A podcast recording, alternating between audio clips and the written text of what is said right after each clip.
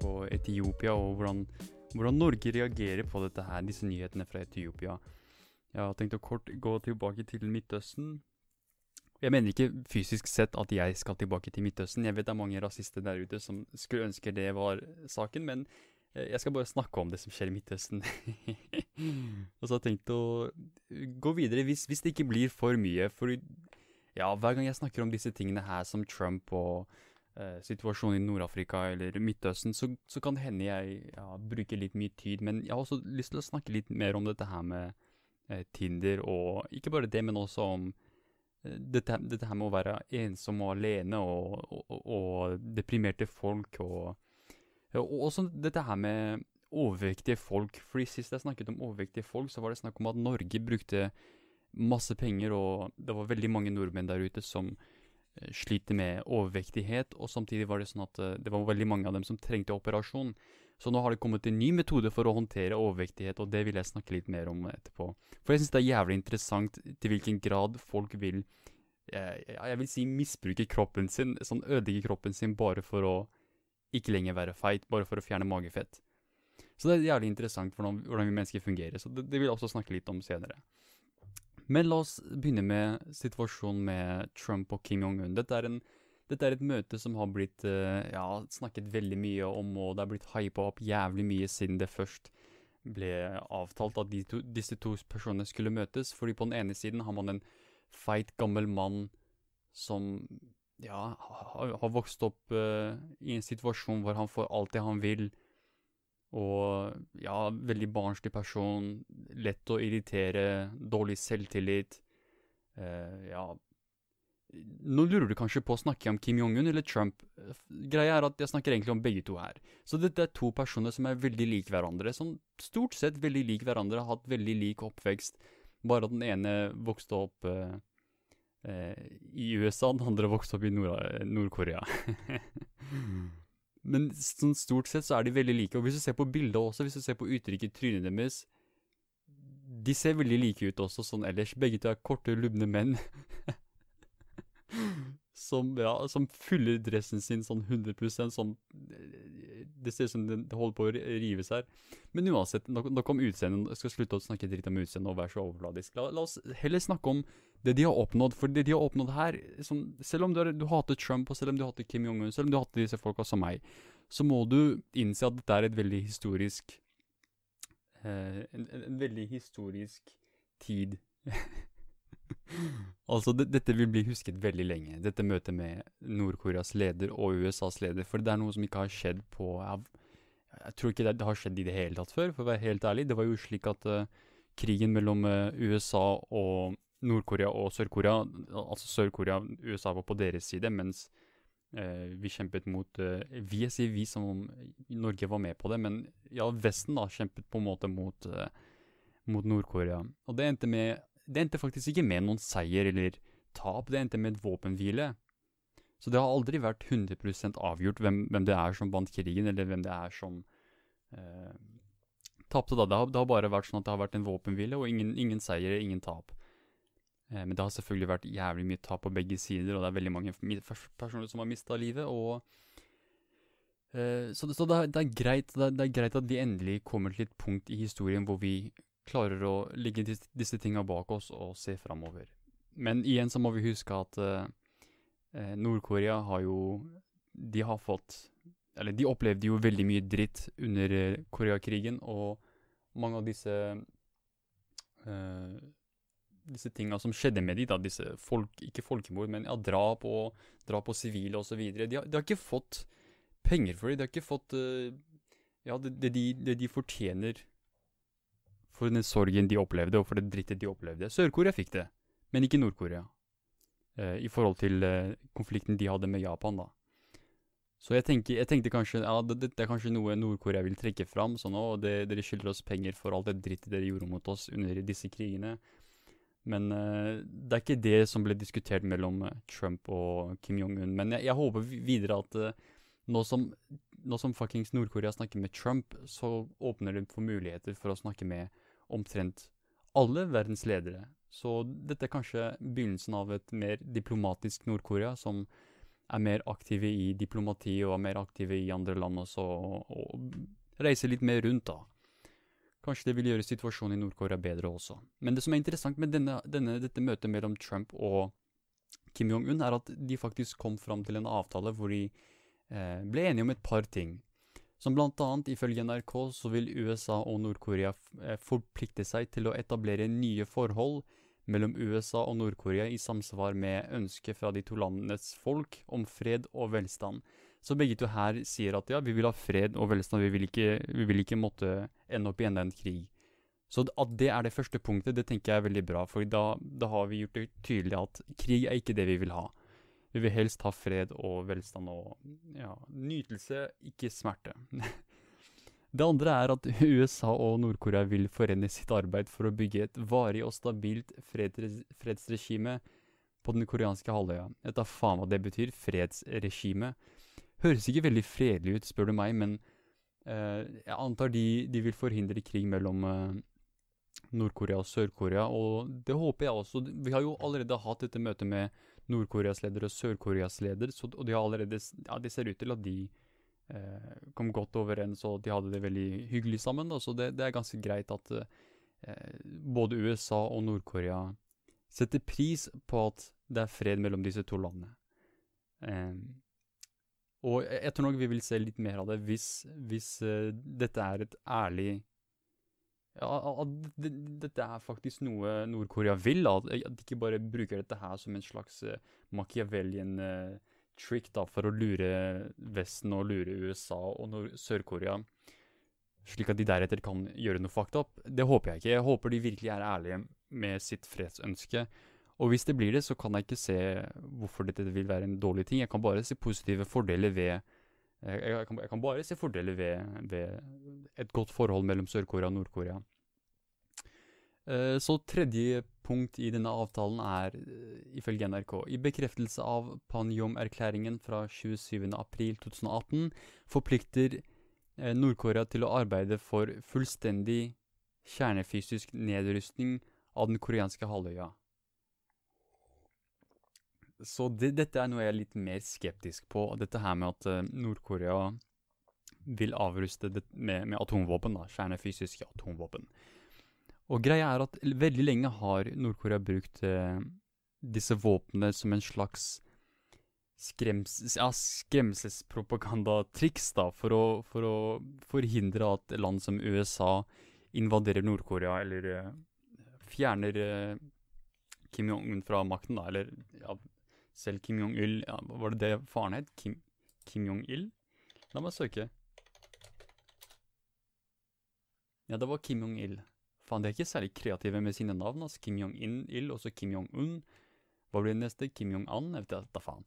Men i hvert fall det, det har, De har brukt det, disse våpnene da, de har brukt det til å på en måte forhindre at USA invaderer. For hvis USA invaderer, kan de si ja, ok, da du skal fjerne oss fra makten. Ja, da, da bare sender vi en atombombe til ja, hvor enn det er de, de sikter på, enten Sør-Korea eller et av de amerikanske øyene eh, på Stillehavet. Eh, så at de nå vil fjerne det, det tenker jeg er litt Altså, hvis, igjen, hvis, hvis, de er ærlige med dette her, så er det jo utrolig bra. Sånn, ja, mindre atomvåpen, det er det vi vil ha i verden. Vi, vi vet hvor Hvor uh, destruktivt og farlig og utrolig jeg, jeg, kan ikke beskrive hvor fælt atomvåpen er. Det er sånn jeg tror nok du må se et par dokumentarer for å virkelig forstå hvor fælt det egentlig er. Jeg tror det er veldig lett å sånn, ja, ja, sånn, se bort ifra hvor, hvor fælt det er. Sånn, ja, ja, ok, atomvåpen, vi, for vi ser jo det navnet overalt. Vi ser jo å, atomvåpen det, atomvåpen det, Iran, atomvåpen og bla, bla, bla. Men vi tenker ikke ofte på hvor destruktivt det egentlig er når en atombombe faller. Så at vi nå eh, ser en Nord-Korea som er villig til å Eller i hvert fall snakker, da. Snakker om å, om å nedruste atomvåpen, det er jo jævlig fint. Det er jævlig bra. Eh, men eh, igjen så er det dette her med Hvis de gjør det, da. Hvis de ikke, har, ikke lenger har atomvåpen, hva er det de har da til å beskytte seg fra en mulig invasjon fra, fra USA? Eller eh, jeg skulle si eller Sør-Korea, men jeg tror ikke Sør-Korea har noen intensjoner om å invadere Nord-Korea. Akkurat nå så er det jo slik at den nye sørkoreanske lederen er litt mer åpen for diplomati og samtaler med Nord-Korea enn tidligere koreanske ledere, så jeg, tror nok ikke det vil være noen sørkoreansk invasjon av Nord-Korea. Men USA er faktisk Av alle disse partene, selv Nord-Korea Av alle disse tre aktørene, så vil jeg si at USA er den mest Den farligste. Jeg vil faktisk påstå det. Jeg vil faktisk påstå at USA er den farligste aktøren blant disse tre her. Det er de jeg stoler minst på. Og ja, du kan si hva du vil om Kim Jong-un og Nord-Korea og hva de gjør med folket sitt osv., men alt det drittet de har gjort, alt den lidelsen de har påført sitt folk og eh, sine naboland også Alt det er ikke i nærheten av hva USA har Den, den lidelsen USA har påført ikke bare Asia, men hele verden. Så USA er nok den, den, den farligste aktøren her, og så jeg skjønner godt at Nord-Korea vil eh, snakke med USA som en av de, en av de ja, landene som man åpner diplomatiske samtaler med. Jeg syns det er greit. Jeg synes det er ganske greit at USA og Nord-Korea snakker sammen. Fordi ja, USA er det landet du bør holde øyet åpent for. Det er de som er farligst, som sagt. Men igjen så er det jo slik at uh, begge, to, disse, begge, disse, to landene, Nord-Korea og uh, USA, er ledet av uh, sinna sinna gamle menn, så jeg vet ikke til hvilken grad stabiliteten her vil vare, men jeg håper den varer så lenge som mulig. Men i hvert fall, siste punkt i denne avtalen er USA og NRK skriver her DPRK, men det er vel forkortelse for ja, Nord-Korea. Eh, USA og Nord-Korea forplikter seg til å gjenvinne POW slash MIA-rester. Ok, nå bruker de amerikanske begreper her, det er litt, det er litt dumt. For det er jo ikke mange nordmenn som forstår det her. POV, altså Prisoners of War, er eh, snakk om ja, krigsfanger, mens uh, MIA er uh, soldater som har blitt savnet i kamp. Missing in action. Er, mange, mange av de kanskje er, er fortsatt i, i, i enten Nord, i USA eller Nord-Korea. Jeg vet da faen. Er, krigen det er jo ganske lenge siden krigen Det ble en våpenhvile mellom eh, Nord-Korea og Sør-Korea. Eh, de skriver også at det vil være en umiddelbar repatre... Hæ? repatriering av den som allerede er identifisert. Hva faen betyr repatriering? La oss se hva Wikipedia sier om dette ordet her. Eh, å repatriere er å sende tilbake til hjemlandet. Ok, så disse fangene og disse folka som er savnet i kamp, er, vil bli sendt tilbake hjem. De som allerede er identifisert. Det er fint. Ok. Eh, NRK skriver videre her etter å ha bekreftet at toppmøtet mellom USA og Nord-Korea, det første i historien, var en epokal hendelse av stor betydning for å overvinne tiår med spenning og fiendtligheter mellom de to landene, og for åpningen av en ny fremtid forplikter president Trump og formann Kim Jong-un Morsomt at de skriver bare Trump og ikke Donald Trump, mens på, eh, på Kim sier de ikke Jong-un, men de sier Kim Jong-un. Eh, det syns jeg er litt, ja, litt, rart. Uansett, og formann Kim Jong-un for å, å, gjennomføre bestemmelse i denne felles uttalelse fullt og rask. USA og Nord-Korea forpliktet seg til å holde følgerforhandlinger ledet av USAs utenriksminister Mike Pompeo. Har de allerede bytta utenriksminister? Herregud, hva skjedde med fucking eh, Faen, var det han het igjen, da? Lederen av eh, Tidligere CEO av Exxon Mobile? Ja, uansett. Og en, en relevant høynivå eh, nordkoreansk offis offisiell Herregud, hva slags, hvem er det som har skrevet denne artikkelen her? Halvard Sandberg. Eh, sorry, ass, men jeg forstår virkelig ikke hvordan du skriver her, eh, Halvard Sandberg. Eh, I hvert fall eh, så snart som mulig for å gjennomføre resultatet fra toppmøtet mellom USA og Nord-Korea. President Donald J. Trump her, her, får vi fulle navnet. Her får vi J-en også. Ok, Donald J. Trump i USA og styreleder Kim Jong-un. Herregud, noen ganger er det formann, andre er, er det styreleder. Hvor mange titler er det denne Kim Jong-un-duen har? Men i hvert fall, president Donald J. Trump og styreleder Kim Jong-un i Kommisjonen for statlige handlinger i Den demokratiske folkerepublikken Korea B Bare skriv Nord-Korea, hva faen? Den demokratiske folkerepublikken Korea Det kan du ha skrevet liksom i introduksjonen for å for, Ja, han gjør det også. Den demokratiske folkerepublikken i Ko Korea, forkortet DPRK. Du trenger ikke å gjenta det, du har allerede forklart hva, de, hva det forkortes til. Uansett, har forpliktet seg til samarbeid for utviklingen av nye forhold mellom USA og Nord-Korea for å fremme fred, velstand og sikkerhet på den koreanske halvøya og i verden. Så det var det. det. det. er dette som har skjedd med eh, avtalen med Donald Trump og Kim Jong-un. Veldig interessant, og jeg håper denne freden varer. Men la oss gå over til et annet kontinent. La oss gå over til der hvor vi mennesker først kom fra. Alle menneskers egentlige hjem. Eh, Afrika, altså.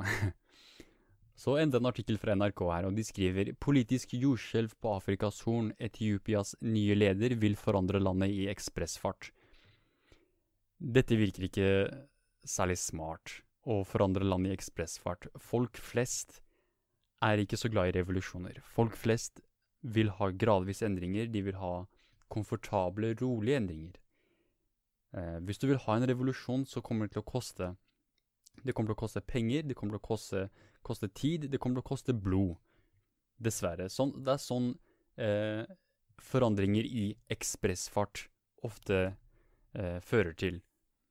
Det fører til veldig Ja, etter det jeg har opplevd, da, Revolusjoner er sjelden fredelige.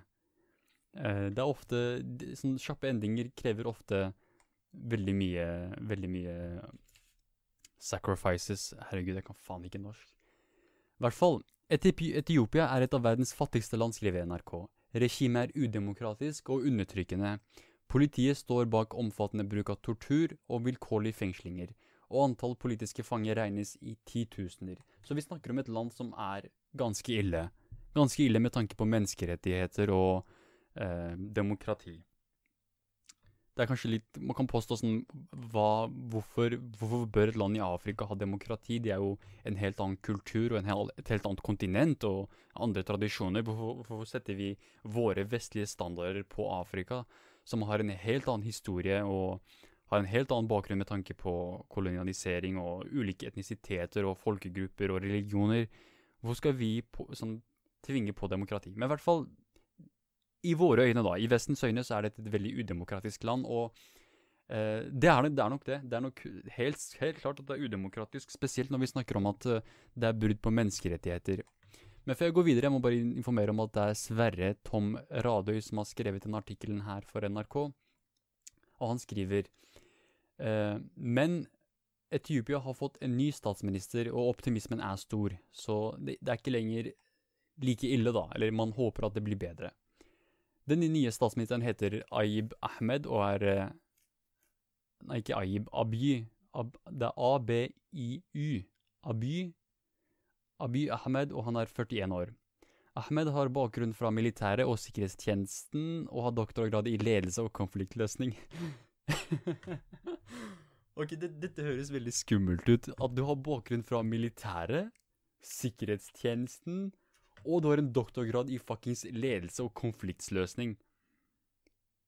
Vel, jeg vet ikke hvorfor, men veldig ofte når jeg tenker på folk som har utdannet seg, utdannet seg til å lede Eller de har i hvert fall en stor militær bakgrunn, eller veldig lang militær bakgrunn, og eh, bakgrunn i sikkerhetstjenesten. Jeg tenker ikke på eh, demokratielskende, fredselskende person. Jeg tenker på en person som er villig til å gjøre det som må gjøres for å få de endringene som han vil, eller hun vil, da. Men ofte er det han. Eh, så det er ikke Jeg vet ikke, jeg, sorry, altså, men basert på bare det denne personens bakgrunn. Fordi hele denne artikkelen ser ut til å fokusere seg på denne nye statsministeren, og denne statsministeren er håpet for Etiopia, og han vil gjøre Etiopia så mye bedre. Det hele konseptet her. Han vil gjøre Etiopia bedre. Men når jeg ser på bakgrunnen hans, så tenker jeg Men vil han det? Sånn Han er én person. Du kan aldri alene Man kan aldri Uansett hvilket land du er i, du kan aldri alene endre en lands framtid. Det må alltid være en stor gruppe, du må alltid ha en stor institusjon bak deg, og en haug av folkens. Massevis av folk. Så å nå si at alt håpet nå er Å, han har, Etiopia har ny statsminister, og han vil endre alt. og Optimismen er stor. Ja, kanskje det. Kanskje han vil være med på å eh, promotere gode verdier som eh, menneskerettigheter og eh, demokrati. Kanskje det, men eh, igjen, eh, bakgrunnen hans skremmer meg litt. Hvert fall, han, Sverre skriver videre Var det Sverre han het? Ja, Sverre er fornavnet. og Det er mer respektabelt å si etternavnet når man snakker om en forfatter, så jeg skal si Radøy. Ok, i hvert fall. Radøy skriver videre. Han er fra landets største befolkningsgruppe og vil gjennomføre det nyhetsbyrået AFP kaller dramatiske forandringer. Og han gjør det i et tempo som overrasker eksperter og gjør innbyggerne svimle. Hva slags Hvem er det som sier sånn 'gjør innbyggerne svimle'? Hva Det høres ut som noe Trump ville sagt. Jeg kommer til å gjøre endringer som er så kjappe at dere vil bli svimle. Det høres ikke ut som noe en uh, en respektabel og velutdannet person vil si. Eller ja, kanskje det, dette er noe eh, Radøy skrev selv, men i hvert fall uansett. Politisk jordskjelv skriver han. Denne uka annonserte den nye statsministeren at det blant annet uh, at uh, det, uh, unntakstilstand skal oppheves. Private eiere slipper til i dominerende statlige selskaper innen energi, telekommunikasjon, luftfart og jernbane. Det skal bli fred med Eritrea. Så vi er altså på vei mot en mer neoliberal Etiopia, og altså at eh, det vil være mer privateide eh, selskaper og Ja, det Jeg vet ikke sånn Jeg tenker e, en viss grad En viss grad av neoliberalisme er ok for å gjøre det mulig for eh, konkurranse, og for å gjøre det mulig for eh, vekst av økonomi, spesielt i et land som kanskje ikke alltid har hatt den beste økonomien. En, en viss grad, en, sånn, en liten Krydre på med liten neoliberalisme og dette her med å eh, deregulere og slippe til private eiere. Ok, litt av det, men hvis det blir for mye av det, så, så kan vi egentlig gå den motsatte veien av eh, sånn for, Fordi på den ene siden vi har 100% statlig eid, og det er faen meg Du kan ikke det. Du kan ikke ha en 100% statlig eid eh, eh, statlig eide selskaper som f.eks. driver med energi, telekommunikasjon, luftfart og jernbane. Du må ha en viss grad av konkurranse og en viss grad av, eh, eh av eh, Herregud, du glemmer jo alle ordene her. Kapitalisme. En viss grad av det må du ha. Basert, basert, på Eller ja, det er kanskje litt feil å si, fordi det er jo slik vi har det i Norge. Og i Norge det er jo veldig spesielt, fordi nordmenn er jo ikke et, etiopere. De har forskjellige, forskjellig bakgrunn, forskjellig historie, så jeg vet ikke til hvilken grad eh, en slags eh, sosialdemokratisk system ville ha fungert for Etiopia. Eh, det er kanskje litt eh, idealistisk av meg å påstå at ja, sosialdemokrati, det er ja, demokrati, sosialisme osv. Det er den beste, beste styremåten, ikke bare for Norge, men hele verden. Det er kanskje litt feil å si, fordi folk er som sagt forskjellige. Men ja, kanskje, hvem vet, kanskje, kanskje mer privateid eh, industri er løsningen for Etiopia. Men vi får se, fordi akkurat nå er det, det, er dette, det er dette, endringen vil være. Så har, vi har lenge hatt det motsatte. Nå skal vi få en endring. Skal vi se hva som skjer da. Eh, Radio skriver videre. Dessuten blir opposisjonspartier invitert inn i varmen, og flere toppsjefer i staten sparket. Eh, invitert inn i varmen, det høres ikke riktig ut. Det høres litt sånn invitert i varmen som, som i at vi inviterer dem til å brenne. Eller kanskje de mener inviterer de til å jobbe sammen. men, men det, det, skjønner jeg ikke. Hvorfor vil du jobbe med opposisjonspartiet? Er ikke det hele poenget med å, være et opposisjonsparti at du er opposisjonen, og at du ikke er villig til å samarbeide? Jeg vet ikke. jeg vet ikke. I hvert fall, eh, Dette er møtt med glede, forvirring, skepsisk, vantro og taushet. Folk er glade, eksperter er positive, skeptiske eller leter etter forklaringer, mens noen tviler på at dette kan gjennomføres. Fra myndighetene i Eritrea er det taust, fordi Eritrea er det landet som Etiopia har hatt litt konflikter med. Men et, et, viktig poeng som ble nevnt tidligere her, er at uh, denne nye statsministeren er fra den største befolkningsgruppen i Etiopia. Og greia er, ifølge Radøy, to befolkningsgrupper har i tre år protestert mot statlig overgrep og økonomisk og politisk marginalisering. Til sammen utgjør de 60% av innbyggerne, disse to, folk, eh, disse to befolkningsgruppene. Eh, de beskylder bl.a. myndighetene for å favorisere tigrayane, tigrayaene som en annen folkegruppe, som kun utgjør 6% av innbyggerne, ifølge Radøy, men som tradisjonelt har kontrollert regjeringen. Eh, her snakker vi altså om en liten befolkningsgruppe som styrer flertallet. Og sånt kommer alltid til å føre til diskriminering og favorisering av den folkegruppen som man selv tilhører. Og det ser vi i, i Midtøsten også, hvor eh, f.eks. i Irak, som har tre forskjellige folkegrupper, som har uh, arabiske sjiamuslimer, uh, arabiske sunnimuslimer og kurdere. Og så har vi ja, en haug av andre folk, mindre folkegrupper også. Turkmenere, jesidier, asyrere osv. Um, og vi har sett at i slike situasjoner er det ofte slik at uh, det parti, den folkegruppen da, som har sin, eh, sin uh, representant i regjering, da, så er det slik at den folkegruppen blir favorisert, og de andre folkegruppene blir marginalisert og diskriminert mot.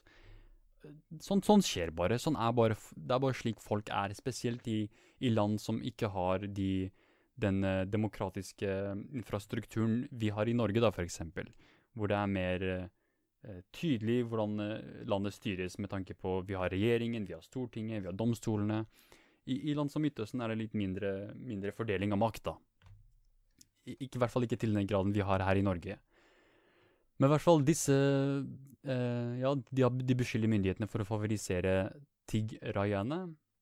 Eh, og myndighetene har slått hardt ned på disse demonstrantene, og regjeringen hevder at noen hundre er blitt drept mens opposisjonen, de som protesterer, sier at det er flere tusen som har blitt drept. Og i slike tilfeller tenker jeg verken regjeringen eller opposisjonen er til å stole på når det kommer til dødstall. Opposisjonen vil alltid overdrive hvor mange det er som, ble, som er blitt drept, for å tiltrekke seg mer sympati. Sorry, det virker veldig, veldig hjerteløst når jeg først sier dette her. Det virker jævlig hjerteløst å si dette her. Men til tider så er det det som skjer. Mens på den andre siden så vil regjeringen alltid skjule de egentlige tallene. De vil ikke innrømme hvor mye, egentlig, eh, hvor mye, skade som egentlig er blitt gjort. Så jeg vil ikke stole på noen av sidene her, egentlig, når det kommer til tallet. Jeg tror, jeg tror nok det er noe midt imellom. Eh, altså no, noe mellom eh, noen hundre og flere tusen. Eh, i hvert fall Radio skriver videre landet er udemokratisk, ytringsfriheten har trange kår, og journalister har rømt landet.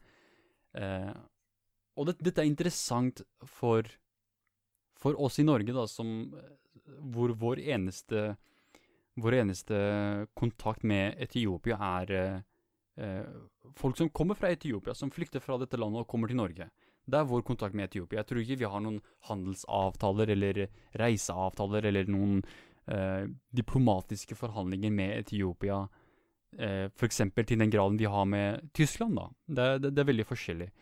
Mm, men vi har, vi har, en del eh, eh etiopiske borgere i Norge.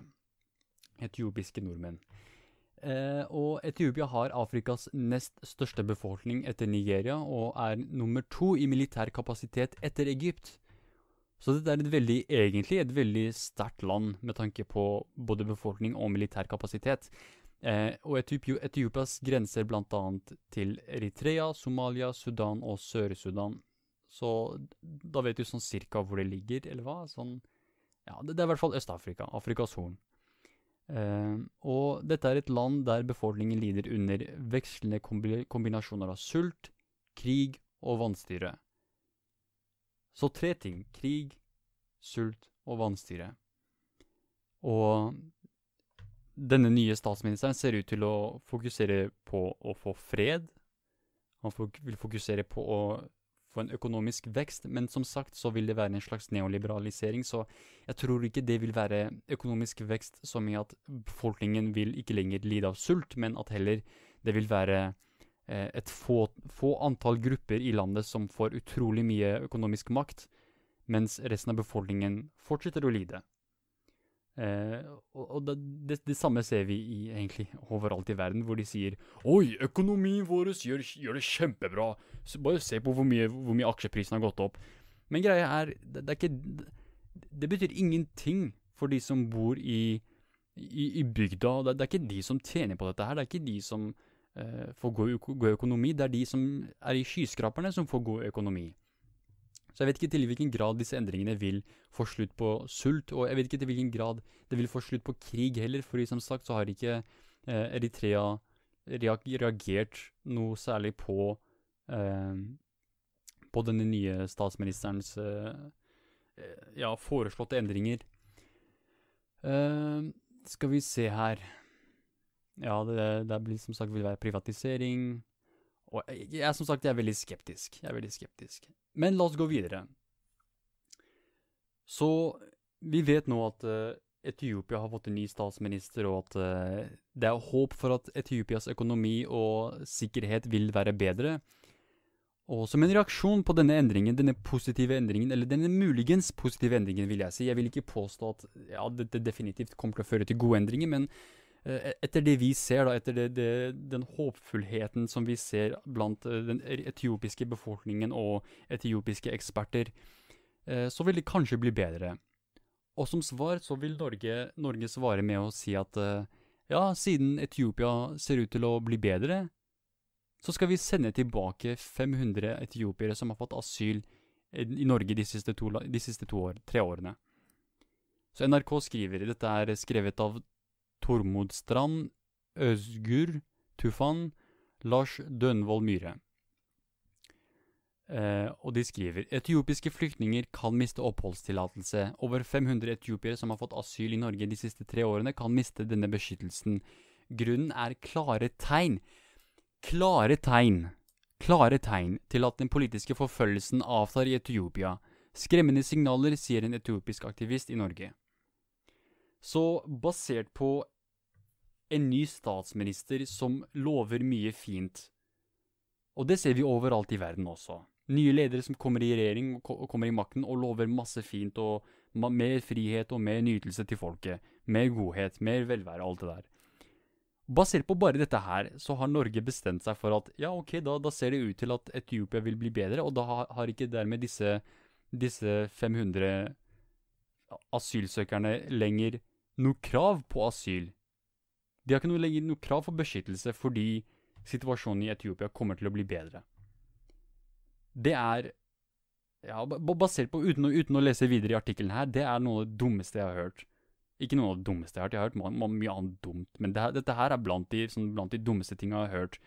Og hvorfor er det så dumt? Hvem, hvem, er det som ofte sier dumme ting i Norge? Eh, for det første, de er Frp-ere. For det andre, de er ofte i regjering. For det tredje, de er ofte justisministre. Og er det dette Kommer dette fra vår justisminister? Ja, det gjør det. Justisminister Tor Mikkel Wara mener at man skal og kan reise ut om forholdene tillater det.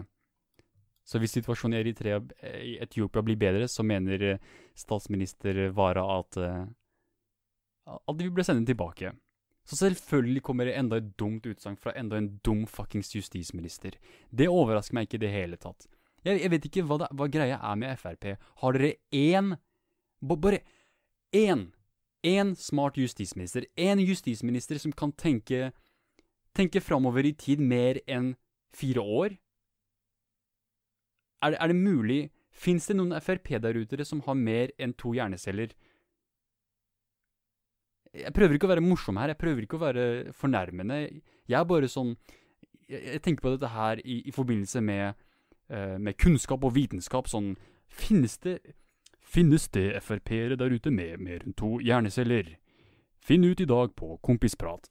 Og svaret er nei, det fins ikke. Uh, hvert fall videre. Etiopiske myndigheter har i en årrekke blitt kritisert for å bruke antiterrorbestemmelser og uklare lover for å kaste sine kritikere i beryktede fengsler, kjent for å drive utstrakt tortur. Så dette er et land som har historie med tortur og forfølgelse av politiske aktivister.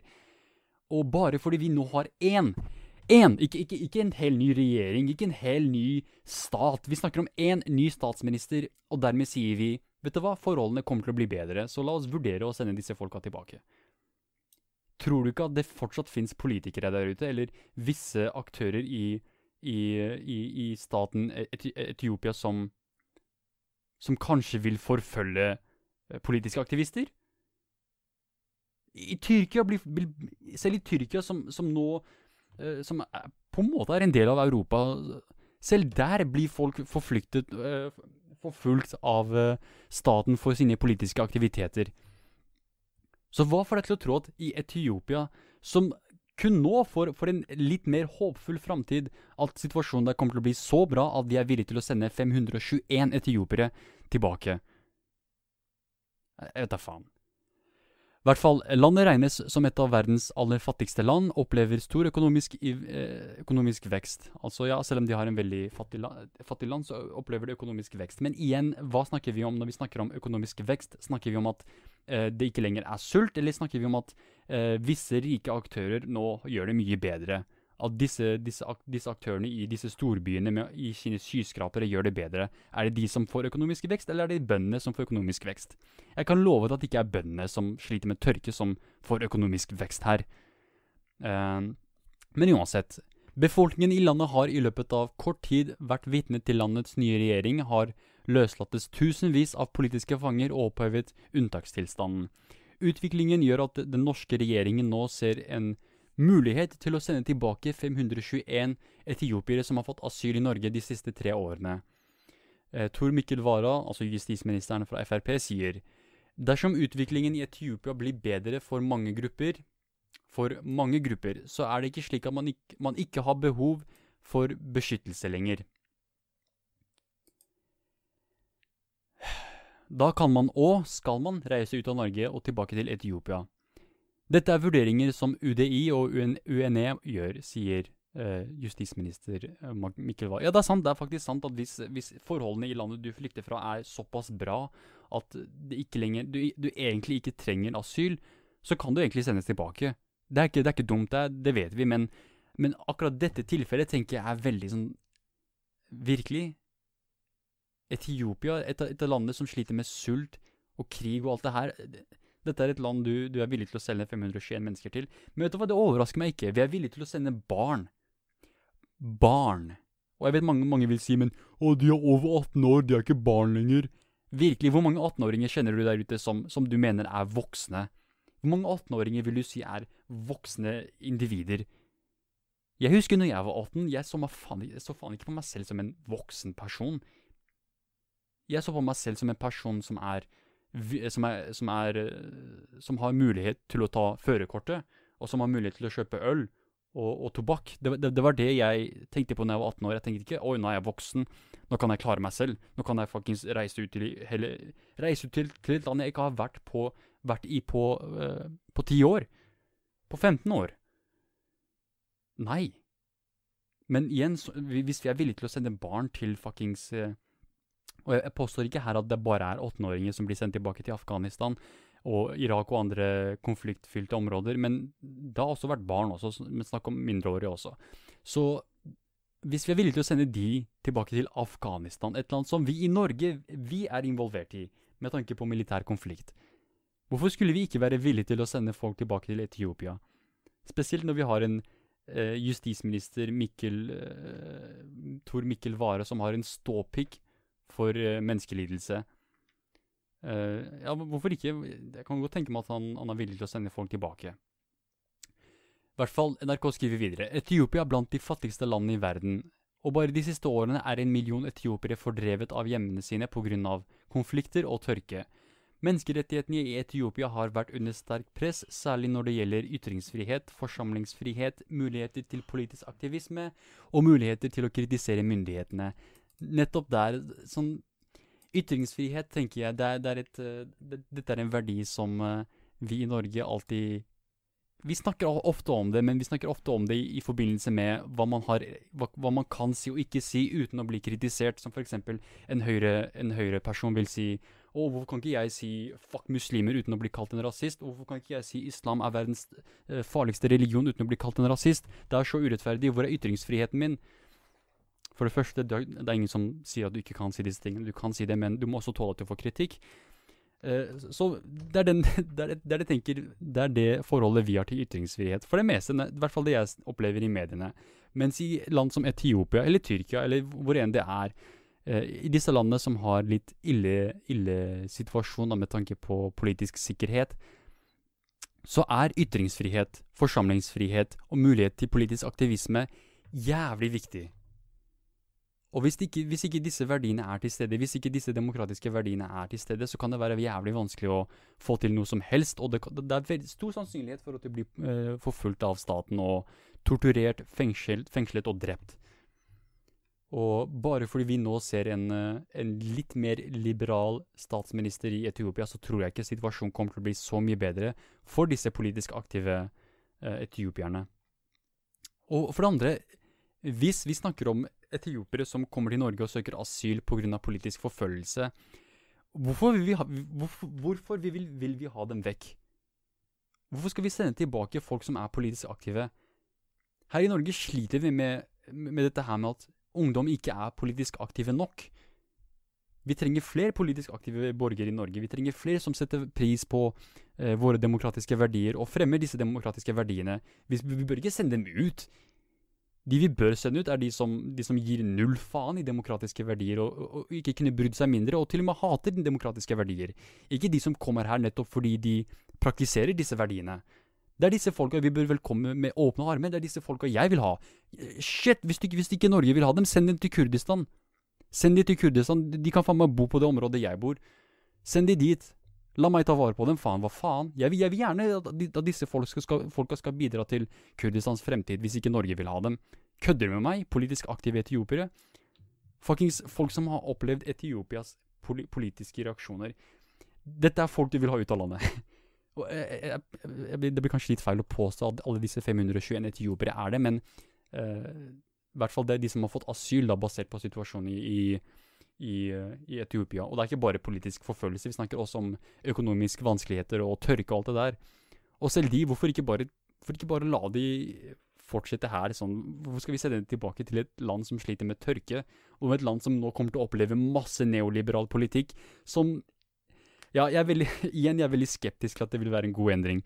Så det, vil, det, det, vil, det her er det samme som å sende disse, disse barna og disse ja, sånn folk generelt, og sende folk tilbake til krigsherjede områder.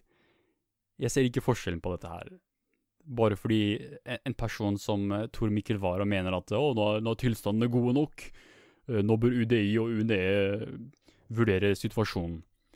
Og bare sånn, for å, for å, få, for å få dette her sagt Fuck UDI. UDI kan suge pikken min. De kan gå og knulle seg selv, alle disse morapulerne i UDI. Fuck dem, OK? Fuck UDI. Sorry for det. I hvert fall eh, Videre, NRK skriver videre. Selv om landet nå opplever en positiv forandring, mener den etiopiske aktivisten Lama Desta at det er for tidlig å snakke om å returnere flyktninger. Han er etiopisk statsborger og har bodd i Norge i 15 år, og er svært engasjert i den politiske, situ politiske situasjonen i hjemlandet. Ser du ikke Hvor fantastisk er ikke det her? Han er etiopisk statsborger som har bodd i Norge i 15 år, og er svært engasjert i den politiske situasjonen i hjemlandet sitt.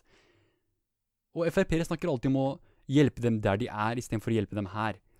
Hvorfor kan vi ikke da ha, ha, politiske aktivister her som hjelper landet sitt selv gjennom f.eks. internett? For det er ikke lenger slik at du må være i du må være til stede for å kunne bidra til en endring i landet. De, de kan gjøre det gjennom internett, de kan gjøre det gjennom fuckings Twitter og fuckings Facebook.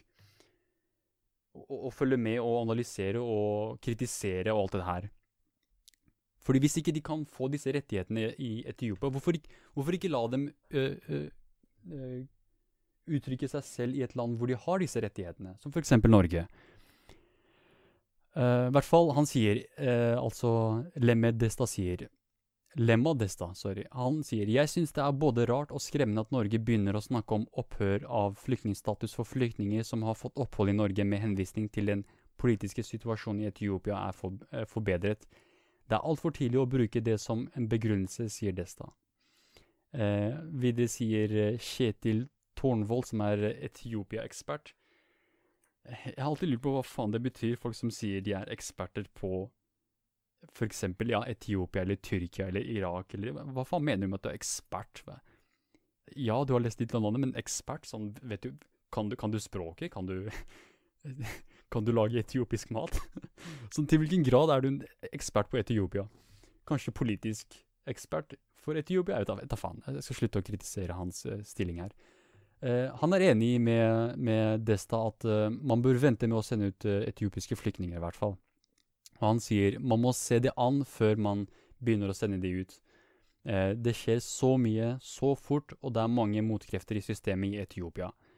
Og det går tilbake til det jeg snakket om, eh, om dette her med kjappe endringer og revolusjoner, og at det kan være veldig blodig, og det kan være veldig eh, rotete. At det, det, er kanskje bedre å vente og se hvordan situasjonen utvikler seg. fordi hvis det hadde vært snakk om en gradvis endring som hadde foregått i tre år, og vi sa ok, nå har, nå har tilstanden i Etiopia gjennom disse tre årene forbedret seg såpass at de kan sende tilbake eh, flyktninger og asylsøkere fra Etiopia.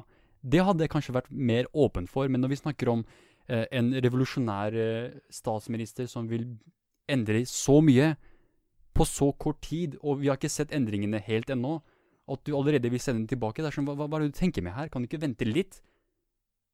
Har du, ikke, har du ikke noe som helst form for tålmodighet? Kan du ikke bare vente et par år, et par måneder, før du bestemmer deg for å sende disse folka tilbake til, eh, til Etiopia? Hva om dette blir en fuckings katastrofe? Hva om du sender disse 521 folka tilbake, og så ender det med å bli en, enda en eh, fjerning av uh, den, denne statsministeren? Hva om denne statsministeren blir fuckings henretta og fuckings drept og assassinert, og hva enn det er? Er du villig til å risikere det? Svaret er ja. De er faen meg villige til å risikere det. Det er de samme situasjonen med Syria. Dette blir en sånn ja, ikke, ikke særlig vitenskapelig eh, eksempel, men jeg hadde en venn fra kurder fra Syria. De skulle sende han tilbake til Syria to-tre måneder før borgerkrigen i Syria startet. Så de, de, var, de, var, virkelig sånn De var klar til å sende han ut. Sånn, ja, du skal ut av Norge. Og kun to til tre måneder senere startet en av de verste borgerkrigene vi har sett i moderne historie. Så når jeg spør er de villige til å risikere folkas sikkerhet, visst faen er de villige til å risikere deres sikkerhet. De kunne ikke brydd seg mindre. Hvis ikke du har blå øyne og, og fuckings uh, rosa hud, som Mikkel var her, så har du null rett til å bo i Norge, ifølge, ifølge sånne Frp-ere som han. Motbydelige, fuckings ekle folk. Sorry, ass, men jeg, er lei av å være diplomatisk med, med FrPs politikk. Jeg er lei av å måtte uh, respektere dem og, og, og, se på dem som legitime politiske aktører. Nei, ass. Sorry. De kan, de kan suge meg hardt. Fuck you og fuck din politikk. Fuckings moraknullere. I uh, hvert fall uh, uh, Torvald sier videre det er fortsatt prepoturt å si hvor Etiopia går hen. Ukentlig kommer det informasjon fra myndighetene som er sjokkerende for oss, som har fulgt landet. Den nye statsministeren har gjennomført politiske og økonomiske reformer og løslatt flere tusen fanger. Eh, men endringene må være varige. Det har vært gode samtaler eh, eh, Ok, nå, nå, går vi over til eh, Mikkel Wara. Han sier det har vært gode samtaler med den etiopiske delegasjonen, hvor man bl.a. har snakket om retur, og jeg håper en rask avklaring på de samtalene. En rask avklaring? Hva, hva er dette Hvorfor haster det så jævlig? Ro ned, for faen! Hvorfor haster det så jævlig med å få de ut? Jeg skal si det hvorfor. Fordi hvis de bor her mer enn tre år, så har de faktisk krav på Eller ikke krav på, men da har de mulighet til å søke om opphold. Så det Mikkel, eh, Tor Mikkel Wara vil, er å få de ut så fort som mulig, slik at de ikke kan eh, spørre om, eh, om, opp, om opp, lengre oppholdstillatelse, da. Så jeg tror nok det er det motivasjonen hans er her. Derfor han, det haster så jævlig mye for han. Eh, men uh, Lem, Lem Adesta sier han mener situasjonen i Etiopia må stabilisere seg før flyktningen kan sendes hjem igjen. Og han sier internasjonale regelverk sier det er mulig å vurdere retur uh, når situasjonen i et land er forberedt og endringene er varige. For Norge og Etiopias del er det for tidlig å snakke om dette her. Uh, og Tor Mikkel Wara sier at dersom Ja, han sier vi har en returavtale med Etiopia som har utløpt. Vi vil ha en avtale som er bedre, for, bedre enn den forrige, og det håper vi å få på plass. Vi håper på å få frivillig retur, men dersom det ikke går an, så kan det bli tvangsretur. Så Så hvis disse folka ikke frivillig sier OK, jeg skal gå tilbake til det landet jeg flykta fra, det landet som jeg fucking reiste over Middelhavet for Fra, ja jeg skal reise tilbake fordi denne fuckings lubne justisministeren mener det er på tide. Og hvis de ikke sier ja til det, så kan det bli tvangsreturner. Så de kan komme på døra di fuckings klokka fire på kvelden. Kom deg ut, politiet, nå skal vi fuckings sende deg ut av landet. Hvor skremmende er ikke det? Fuckings, du sitter og sover, plutselig kommer politiet og banker på døra di og skal ha deg og familien din ut av landet. Men tenker Tor Mikkel Wara på dette her? Tenker han på den uh, psykologiske traumaen han uh, påfører disse folka her? Disse 521 eh, etiopiere som har fått oppholdstillatelse i Norge? Nei. Som sagt, han kunne ikke brydd seg mindre. Eh, ja, nok om, nok om Tor Mikkel Wara og justisministeren. Jeg vet da faen, ass. Jeg vet da faen hva greia med, med, med denne regjeringen er. Sånn, først har vi fuckings An Anders Anundsen, en fuckings klovn. Så har vi fuckings Amundsen, enda en fuckings klovn. Hvem var det etter det? Fuckings Sylvi Listhaug, enda en fuckings klovn. Også nå Tor Mikkel Wara, enda en fuckings klovn. Har dere noen andre justisministre? Har dere no en justisminister som ikke er en fuckings klovn? Seriøst? Er det, er det dette Frp har å by på? Fuckings klovner. Hva faen, Frp? Skjerp dere. Sånn, ta det sammen. Hva faen? Jævla idioter. Skaff dere en ordentlig fuckings justisminister. Jeez. jeg håper jeg irriterer masse Frp-folkere her. Altså. Jeg, håper, jeg håper jeg irriterer dritten ut av dere. Jeg håper dere hater meg, jeg håper dere vil drepe meg, jeg håper dere vil faktisk kaste meg ut av landet. Jeg håper dere blir så irritert av meg. For jeg kunne ikke brydd meg mindre om hva dere syns. Eller jeg, jeg, jeg, bryr meg faktisk. Jeg bryr meg, jeg håper, som sagt, jeg håper, jeg bryr meg virkelig om at dere skal hate meg. Jeg vil virkelig at dere skal hate meg. Fordi jeg har null kjærlighet for dere. Uh, uh, ok, la, oss, la, oss, fortsette å snakke om flyktninger, nå, nå, som vi snakker om, siden vi først snakker om flyktninger og, og eh, sikkerhet og, og, og, menneskeliv, da. Og verdien av menneskeliv. La oss se hva som skjer i Italia. Og her skal jeg prøve å være mindre ensidig, og jeg skal prøve å, å ta eh, Italias uh, situasjon til betraktning. Jeg skal ikke bare se, se, Jeg skal ikke se bort ifra at Italia også er et land som Ja, de, har ikke den beste økonomien eller den beste situasjonen. Eh, jeg må bare finne notatene mine. Nei, vet du hva ja, faen meg rota bort notatene. Har jeg det? Nei, her er de. All right. Så la oss se hva, som, hva det er som skjer i Italia. Så Aftenposten skriver Italia nekter å ta imot migrantskip og krever at Malta tar ansvaret. Italias nye regjering avviste søndag et skip som har reddet mer enn 600 migranter i Middelhavet. Nå ber italienske myndigheter øystaten Malta åpne sine havner. Ok, uh, før jeg begynner å rante. Italia nektet søndag å la redningsskipet Aquarius legge til kai. Det tidligere kysthavsskipet, som opereres av den frivillige organisasjonen SOS Mediter Mediterranean, skal ha reddet 629 personer i seks ulike operasjoner i Middelhavet de siste dagene. Eh, bare sånn kort eh, sidenotat her, eh, sånn, ja, bare for å, for å, informere. Jeg var innom eh, dokument.no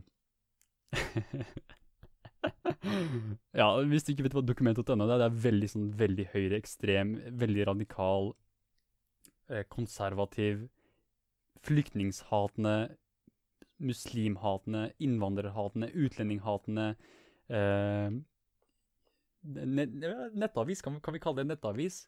Det er jo veldig ensidig, og det er, de er, de er veldig mye mangel på fakta. og jeg, jeg har analysert veldig mange artiklene, og det er veldig sånn ja, jeg, jeg, antar at hvis du er en person som liker ekkokamera, og du liker, å, du liker å få egoet ditt runka, og du liker å høre på det du allerede vet, så er dokument.no en, en passende nettside for deg. Um, men i hvert fall, jeg så litt ned på kommentarfeltene for å se hva det er folk mener om denne saken her. Denne migrantsituasjonen med Italia, hvor Italia nekter å tillate, uh, ja, tillate skipet med 629 personer uh, legge til kai. Eh, og mange av disse kalte disse organisasjonene som eh, SOS Mediterranean De kalte de menneskesmuglere. Menneskesmuglere. Hvorfor er dette her feil? For det første, hvis du er menneskesmugler, så tjener du på Du tjener penger på å smugle en person fra et sted til den andre ulovlig. Når vi snakker om frivillig Frivillig organisasjon SOS Mediterranean. Når vi snakker om frivillige eh, personer som redder folk fra fuckings havet fra å drukne, er det fuckings menneskesmuglere? Menneskesmuglere kan ikke bryd, kunne ikke brydd seg mindre om du døde eller ikke, så lenge du betalte de, og så lenge de, de fikk uh, kroppen din over, fra, over, grensa. Det de her er, å fuckings redde dem, mens du kaller dem menneskesmuglere. Hvor ekle er ikke, er ikke disse folka her? De, de, disse fuckings leserne av dokument.no. Igjen, fuck disse folka. Ekle fuckings morraknullere. Menneskesmuglere. Jeg tror ikke de har noen gang kommet borti en ekte menneskesmugler, eller eh, sett eller lest eller hørt noe som helst om en ekte menneskesmugler. Hadde de gjort det, jeg tror ikke de hadde påstått at disse, disse frivillige organisasjonene som redder liv, er menneskesmuglere. menneskesmuglere. De, disse folka voldtar det norske språket. De voldtar det.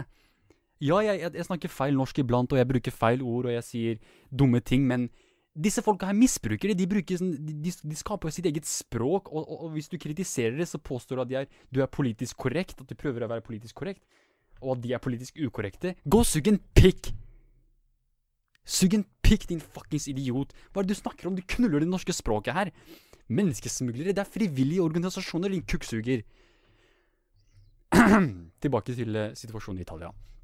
Uh, Om bord Aquarius er bl.a. 123 enslige mindreårige, og det er de verste, vet du. De, de kan vi ikke ha. Enslige mindreårige, de er de, det er de lykkejegere, fuckings lykkejegere. Kommer her for å, for å fuckings ta jobbene våre, så knulle døtrene våre, så uh, stjele kulturen vår og fuckings islamisere oss. Disse enslige mindreårige. Enslige mindreårige. Hva vil det si? At de er under fuckings 18 år? Er du så jævlig redd for fuckings kids? Redd for barn, din patetiske fuckings avskum. Og blant annet dem er eh, altså, ja, som sagt, 123 enslige mindreårige, 11 små barn og 7 gravide kvinner. Og dette er ifølge den franske organisasjonen SOS Mediterranean, som eh, er ansvarlig for dette her.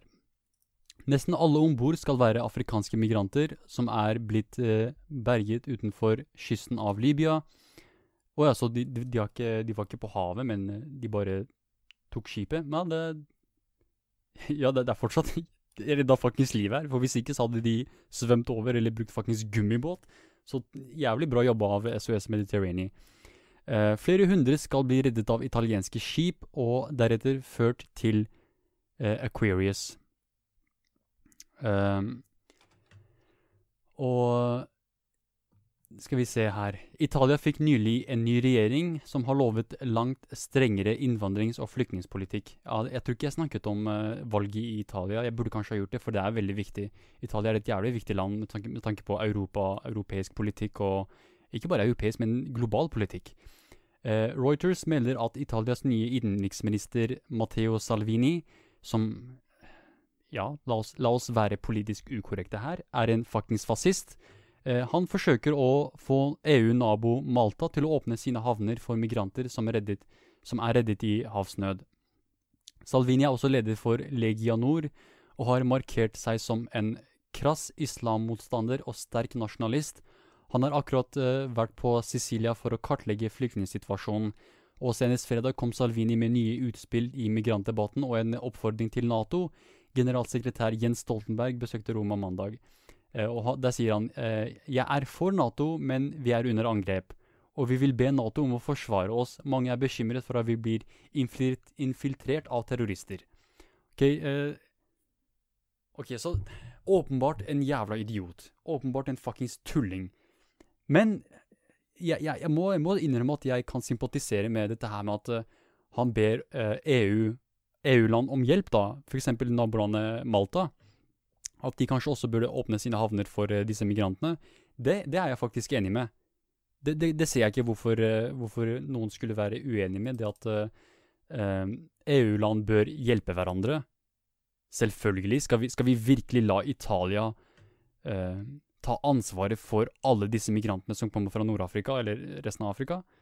Det ville vært jævlig tåpelig. Det ville vært urettferdig. Og det er det. Så selvfølgelig bør Malta, selvfølgelig bør Frankrike, Spania, Tyskland Alle disse andre landene, selvfølgelig bør de hjelpe. Men igjen, når vi ser på hvor mange land som Italia Eller, eller ja, hvor mange migranter og sånt og flyktninger Italia har hjulpet det, det, er ikke Ja, det er ikke så mange i forhold til f.eks. land som eh, Ja, land som Norge til og med. Jeg jeg vil nok påstå at Norge har tatt imot flere flyktninger fra denne middelhavskrisen enn en, en Italia. Men igjen så er det snakk om en eh, dette, dette er en ny regjering som er veldig ja, muslimskritisk og innvandrerkritisk og eh, påstår at eh, at de blir infiltrert av terrorister. Hvor mange, hvor mange terrorister Hvor mange av disse 128 mindreårige, enslige mindreårige kidsa er terrorister? Hvor mange av disse elleve små barna er terrorister? Hvor mange av disse syv gravide kvinnene er terrorister? Herregud.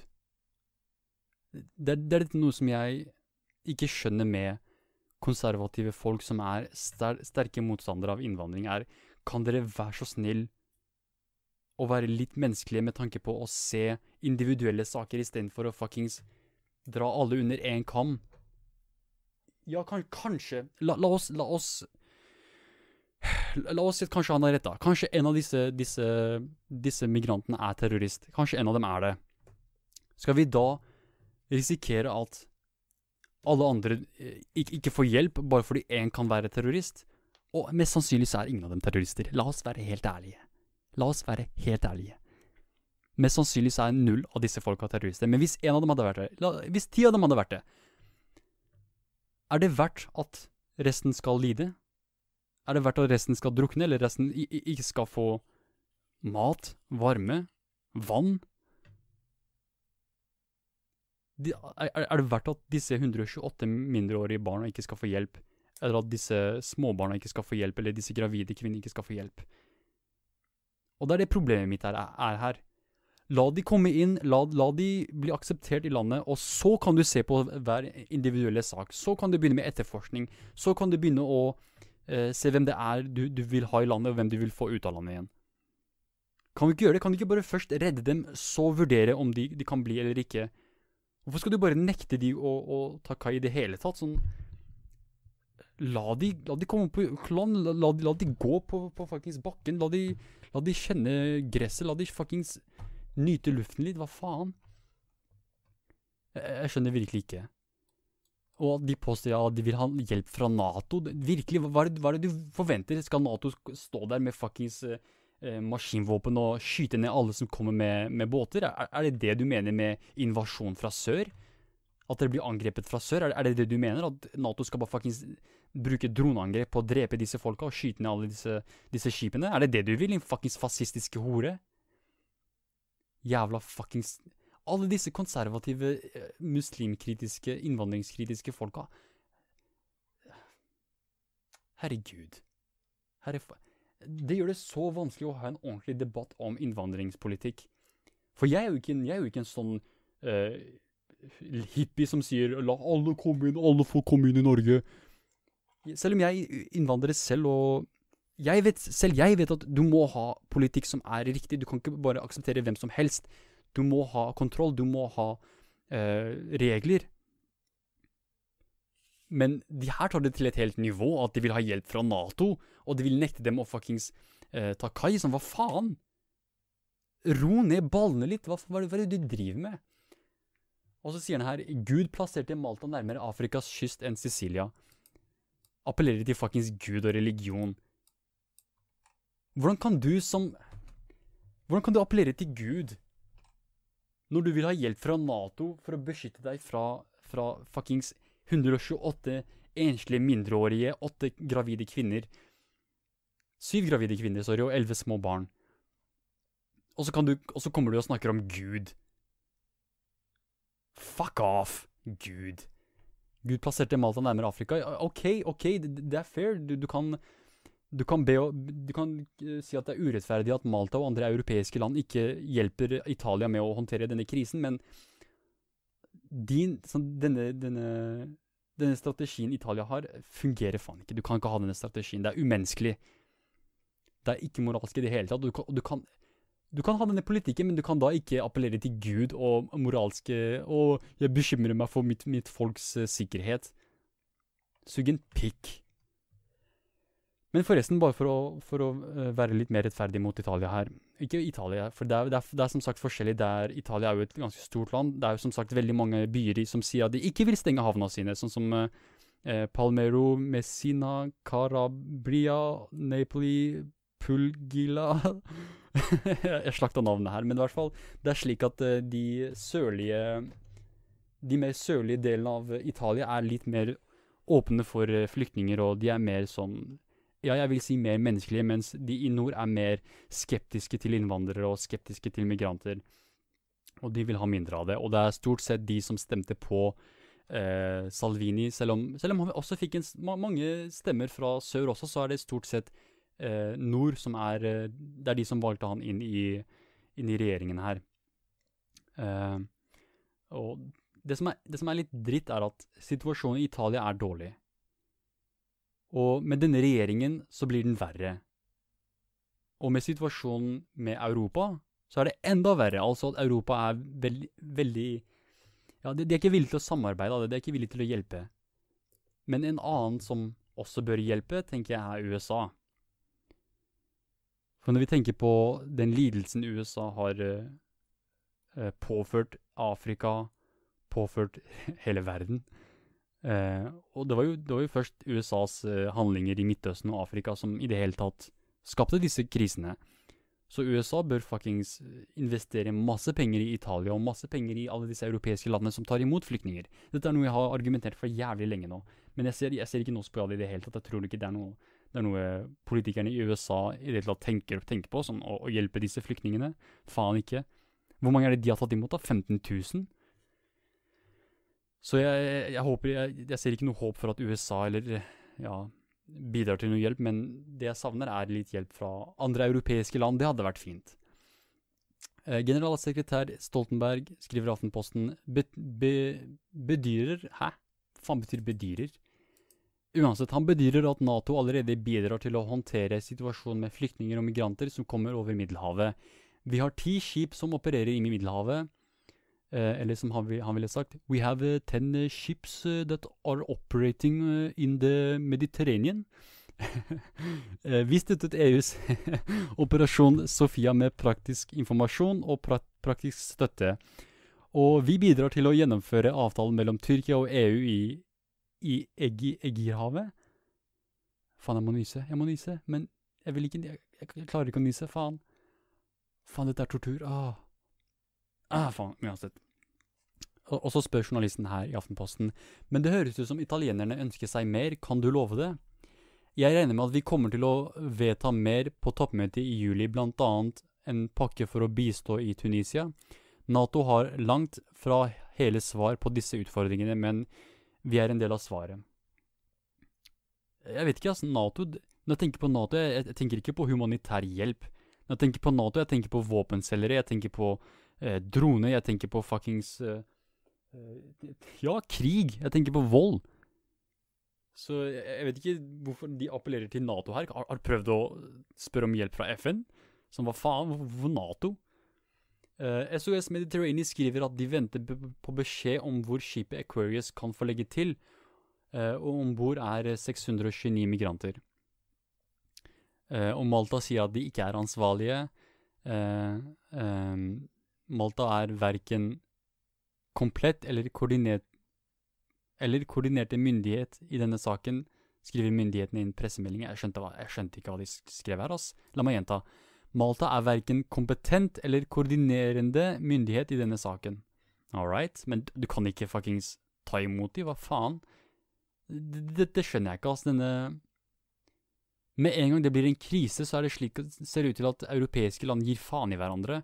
Men når det er fred og økonomisk eh, sikkerhet, så er det sånn Å ja, Europa, Europa, vi elsker hverandre, vi er så gode venner. Men når en krise skjer, så blir alle egoistiske moraknullere. Hjelp hverandre, for faen! Um, mange migranter i nød, skriver Aftenposten. Også spansk redningstjeneste melder om en rekke redningsoperasjoner utenfor Libya.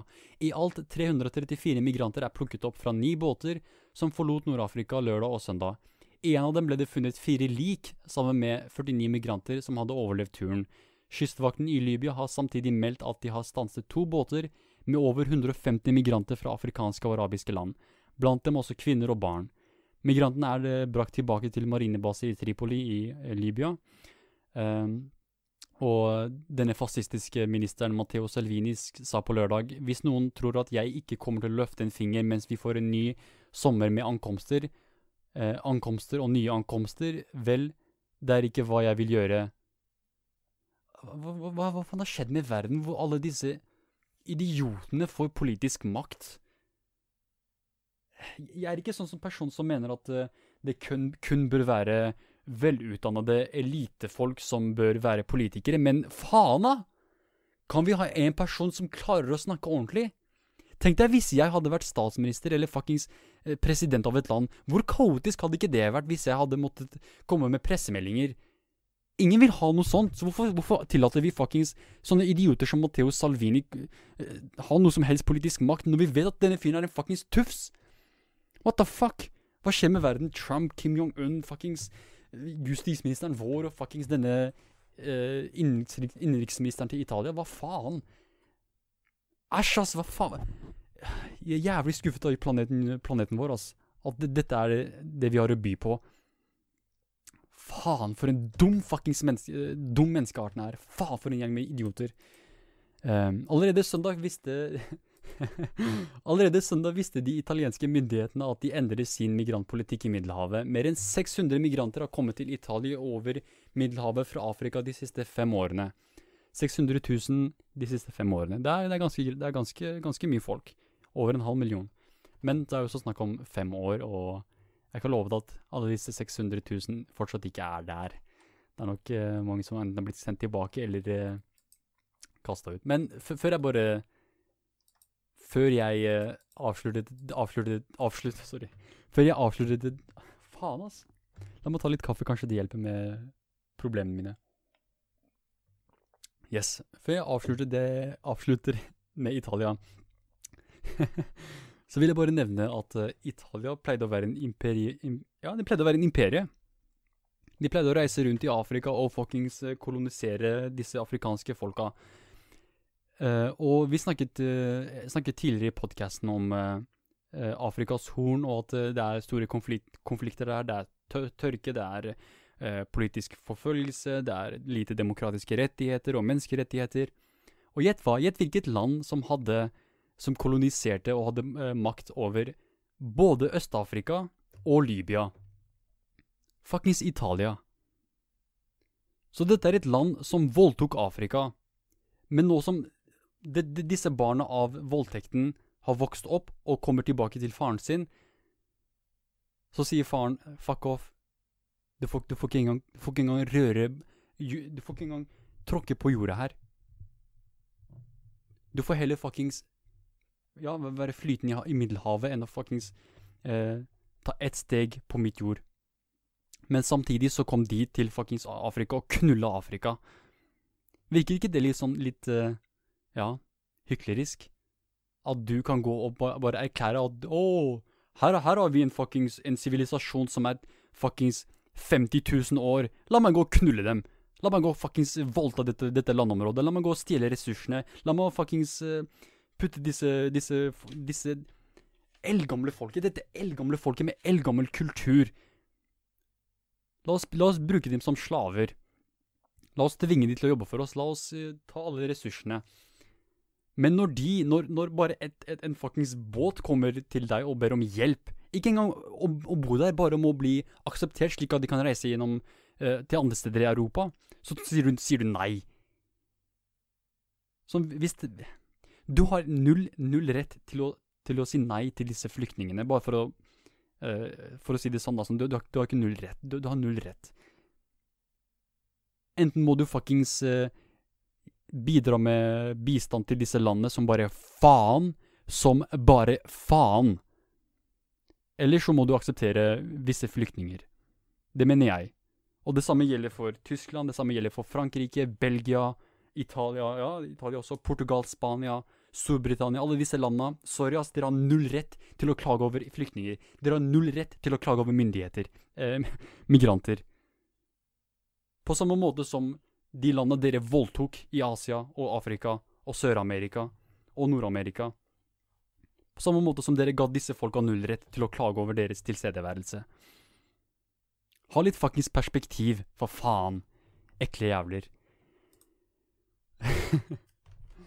ja, jeg, jeg, vet ikke, altså. Jeg er veldig gretten i dag. Jeg tror det er fordi jeg ikke har spist frokost. Jeg har bare drikket kaffe. Men uh, jeg skal gå ta, ta, meg litt påfyll, så kommer jeg tilbake. Og når jeg kommer tilbake, så vil jeg bare kjapt snakke om situasjonen i Midtøsten. Fordi ja, jeg har snakket veldig lenge om uh, det som skjer i Afrika, og det er uh, langt over en time. Men jeg tror jeg skal kutte disse segmentene i mindre biter. Så hvis du ikke er en fan av disse lang lengre podkastene, så vil du kunne se de ulike, ulike korte podkastene på YouTube-kanalen. Og ja, på den ene siden så er det greit hvis du ikke vil høre gjennom, høre gjennom uh, hele denne podkasten, som kan bli ganske lang, for det er, det er, fortsatt veldig mye mer jeg vil snakke om. Og siden jeg ikke har skole eller jobb i dag, så vil jeg egentlig få snakket så mye som mulig. uh, så ja. Men hvis, hvis, du, hvis, du, ikke er noen fan av å bli spamma på YouTube, uh, hvor du får masse uploads fra meg, så må jeg bare beklage. Jeg beklager for hvis jeg spammer din YouTube-kanal, men ja, på den positive siden så vil du slippe å høre på hele denne fuckings podkasten, hvis ja, hvis du ikke er en fan. Men i hvert fall når jeg kommer tilbake, så vil jeg kort snakke om uh, det som skjer i Midtøsten. Jeg vil ikke bruke for mye tid på det, for det er dessverre det er egentlig ikke så mye å si om det, og situasjonen er som, som det er. Ja, som det alltid har vært, bare med litt mer skremmende endringer. Eh, jeg vil også snakke litt mer om eh, ja, om en endring innenfor teknologi som har gjort meg jævlig glad.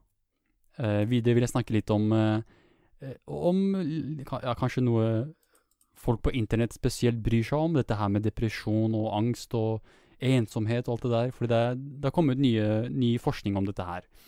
Eh, jeg hadde tenkt å snakke litt om, eh, for, mine muslimske lyttere, og hvordan, eh, hvordan, du kan overleve ramadan. Sånn, hvordan, hvordan, du kan eh, håndtere tørste, at du er tørst under ramadan. For du kan ikke drikke vann under ramadan. Men jeg tror nok nå som ramadan snart er ferdig, så er det egentlig litt unødvendig. Uh, eller vet du hva? Uh, ja? Det, det, er unødvendig. Det er, Ramadan er snart ferdig, det er snart id, så det, det blir litt ja, unødvendig. Uh, jeg vil også snakke litt om dette her med Til hvilken grad folk er Sånn Hvor villige folk er til å skade kroppen sin bare for å miste magefett.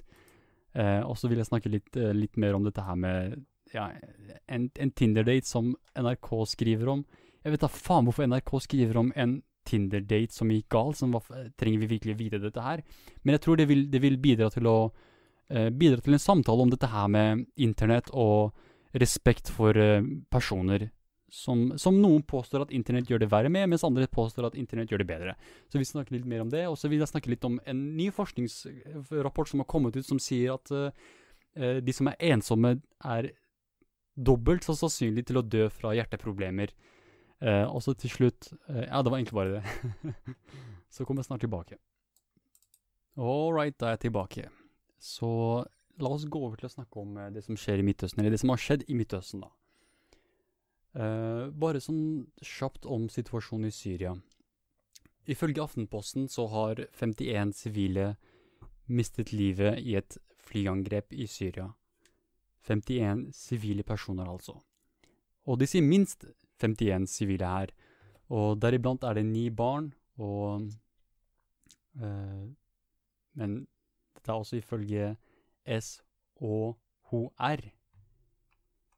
SHOR, hva faen hva, hva, hva SHOR? Sånn, ok, kan, det er greit å bruke forkortelser, men det er også greit å fortelle oss hvem det er før du bruker forkortelsene. Sånn, du trenger ikke å være geni for å vite disse tingene her. Du må, for, du må forklare forkortelser før du bruker dem, for faen. Uh, og selvfølgelig så er dette her en, en direkte kopi fra Norsk eh, Telegrafbyrå. Så det er sånn De har ikke engang giddet å ha en journalist til å skrive dette her. De har bare kopiert og limt inn informasjon fra NTB. Sånn seriøst, bruk litt tid på å forklare til leserne hva SHOR er. Uh, et kjapp Google search viser at de snakker om Syrian Observatory for Human Rights. Jeg har tidligere brukt uh, Syrian Observatory for Human Rights for, uh, som kilde selv, ganske mange ganger egentlig. Så hvis SHOR tar feil her, så, så må jeg bare beklage for det. Hvis, hvis, dette ender opp med å være enda en ja, Som vi ofte ser i situasjonen i Midtøsten, da, at det er propaganda. At det er løgn eller falske nyheter eller eh, manipulerte nyheter. Altså at det ikke er de riktige tallene. Fordi som sagt, akkurat som når jeg snakket om eh, situasjonen i Afrika, hvor, eller eh, sånn generelt egentlig, når det kommer til konflikter, så er det slik at eh, ofrene vil alltid overdrive tallene, mens de som eh, påfører smerten, vil undervurdere sånn, de vil, vil, eh, vil påstå at det er mindre som døde enn det egentlig er. Men bare ved å se på bildet som Aftenposten presenterer her, det er total ødeleggelse. Total fuckings ødeleggelse. Det ser ut som det har vært jordskjelv her.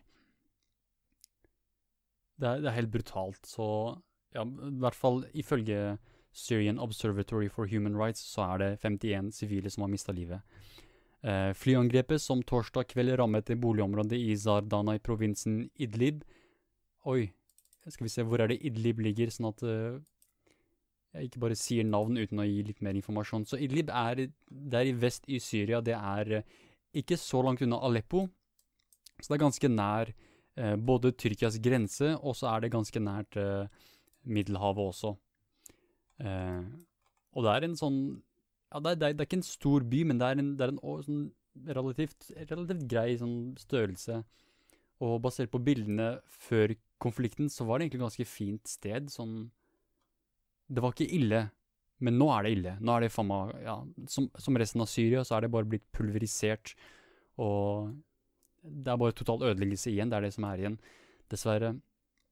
Men i hvert fall, dette ble gjennomført av den syriske regimet med støtte fra Tyskland, ifølge Syrian Observatory for Human Rights.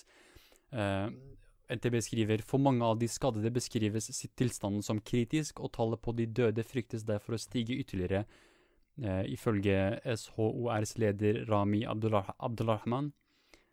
Eh, russiske myndigheter avviser påstandene fra SHOR, og ifølge det statlige russiske nyhetsbyrået TASS eh, Den London-baserte eksilgruppen henter sine opplysninger fra nettverk av kilder innen Syria. Så SHOR er eh, de er basert i London, og de får sine kilder fra folk som er i Syria. Og det kan være litt, eh, litt sånn vrient når det kommer til informasjon og fakta fra situasjonen i, i Syria. er at Hvem er det vi får informasjon fra? Hvem er kildene våre? Og akkurat nå så er kildene våre Aftenposten, NTB og Syrian Observatory for Human Rights, og de har sine egne kilder i Syria.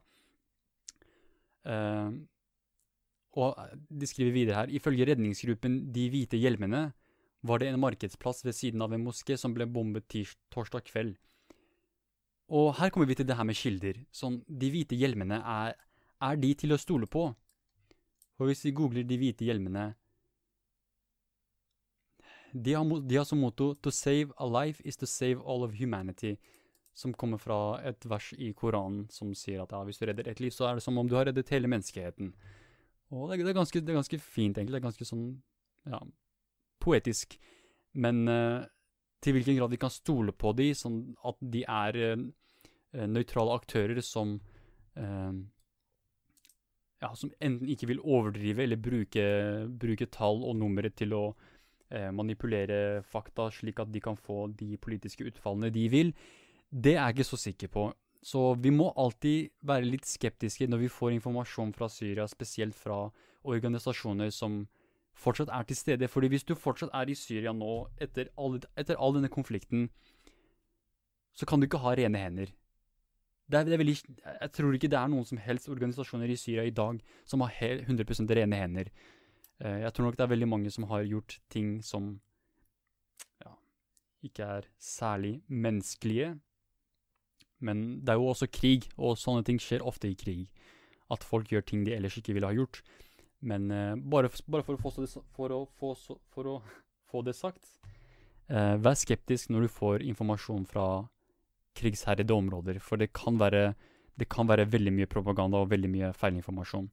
Uh, en korrespondent, korrespondent fra, for AFP, enda en forkortelse som ikke ble forklart her. AFP er Agency France Press, ja, fransk nyhetsbyrå så forteller de at angrepet ble etterla har etterlatt seg et digert krater midt mellom flere ødelagte bygninger i Zardana.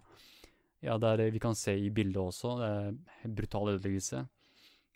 Størsteparten av Idlib-provinsen er utenfor president Bashar al-Assads kontroll og styres av opprørsgruppen Hayat Tahar al-Sham. Al-Sham. Sham betyr, eh, betyr ikke det Damaskus på arabisk. Uh, og de er, skal vi se hva Wikipedia sier, de er sunni-islamistiske salafis... Oh shit, wahhabi. Oh shit. OK. Så dette er Dette er Det jeg sa i stad om at ingen har rene ene. Dette er radikale, ekstremistiske muslimer. Altså eh, Salafist, wahhabist retningen innenfor islam. Det er, en, det er blant, de, blant, de, mest ekstreme ideologiene du kan ha. Blant, de mest radikale det er den samme, samme, ideologien til Al Qaida og uh, Osama bin Laden. Og egentlig uh, også Saudi-Arabia. Men la oss ikke, la oss ikke snakke dritt om våre forhandlingspartnere, de som vi selger våpen til. La oss ikke, ikke snakke for mye dritt om de. Fordi Tenk om de ikke kjøper våre, våre våpen. Tenk om de slutt, slipper å, slutter å gi oss pikken sin. Tenk, hva, hva hadde vi gjort da? Hva hadde vi gjort uten den deilige pikken til Saudi-Arabia? Uh, men uansett, det, det, er som sagt, ja, det Opprørsgruppen er ikke, er ikke akkurat de beste med tanke på menneskerettigheter og vestlige demokratier og alt det der, men uh, fortsatt at 51 personer har mista livet, eller ifølge observasjoner, da, så er det fortsatt jævlig brutalt.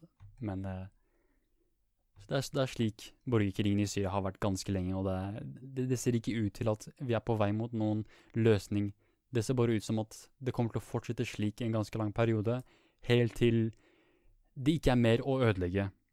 Helt til hele landet bare er pulverisert, og det ikke lenger er noe å ødelegge, det ikke lenger er flere folk å drepe. Kun da tror jeg det, folk vil være villige til å legge fra seg våpnene og, og snakke sammen. Og disse borgerkriger er oftest er de som er mest brutale og mest blodige, så um, vi, har, vi, har, nok sett jævlig mye blodighet og veldig mye dritt fra Syria, men som vi ser her nå, så er det ikke slutten. Så er det fortsatt veldig mye mer som også vil komme. Veldig mye mer krig. Så la oss gå over til nabolandet til Syria. Eller ikke et land, men et landområde, Kurdistan. Så eh, Rodau, som er en eh, kurdisk nyhetsbyrå, skriver at eh, det har vært kamp mellom kurdiske eh, krigere og iranske styrker. Eh, så Islamic Revolutionary Guard Corps, forkortet til IRGC. Ser du, en, her har vi endelig en fuckings eh, journalist som vet hva han driver med her, eller hun uh, fuckings presenterer fulle navnet før du gir forkortelser. Er det så vanskelig å gjøre Aftenposten? Herregud. Men uansett, de skriver her at uh, Eller Islamic Revolution Du vet du hva, det er så mange lange, lange navn her. Islamic Revolutionary Guard Corps slash uh, The Kurdistan Democratic Party of Iran. Sånn, selv forkortelsene er for lange, så jeg skal bare si kurdere og Iran.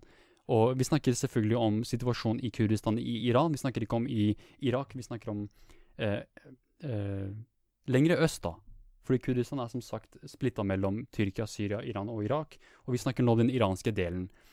Eh, ifølge Iran så har eh, en eh, bevæpnet terroristgruppe eh, vært med på å angripe, angripe, angripe iranske styrker, da.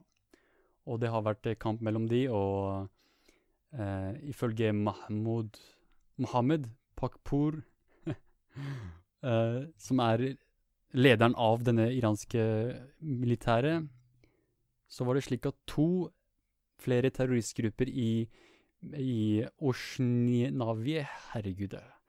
Jeg, jeg, er fra dette området, men jeg klarer faen ikke å uttale navnet her. Og Sarawabad, i vestlige delen av landet, uh, ødelagt av iranske styrker. Sorry, altså, jeg, oversetter direkte fra engelsk her, men altså to andre terroristgrupper i disse byene, disse to byene er blitt ødelagt av uh, iranske styrker. Uh, og blant disse gruppene så var uh, seks drept og tre skadet, sier Pakpur. Mustafa Her Hij Hijril Hijri Mustafa Hijri, han er kurder, jeg burde vite navnet hans, ok, som er leder for KDPI, og Abdullah Muhtadi, som er sekretær for Komala Party of Iran and Kurdistan, KPIK. Eh, herregud, så mange, så mange forskjellige grupper og så mange forskjellige navn. Dette, dette, er problemet til kurdere, at de er for meg splitta. Selv en liten gruppe innen Iran er, er splitta mellom to store faksjoner. Sånn, herregud, foren dere, for faen! Hva er det dere driver med? Um, ja, begge disse to lederne er uh, akkurat nå Det er i, uh, i Washington og deltar i seminarer og møter med amerikanske uh, kongressmenn og akademikere osv. Uh, ifølge disse møtene så har det vært slik at uh, at det, det, er, egentlig kurderne som for det meste bidrar til konflikten her. Det er ikke slik at Iran har vært litt mer aggressive enn vanlig. De har selvfølgelig alltid vært aggressive mot kurdere med tanke på tortur og fengsel av uh, kurdiske aktivister. Det har alltid vært slik. Det er, det, det er et av de områdene hvor Iran er verst på når det kommer til menneskerettigheter og brudd på menneskerettigheter i, i, til, i, i, forbindelse med kurdere.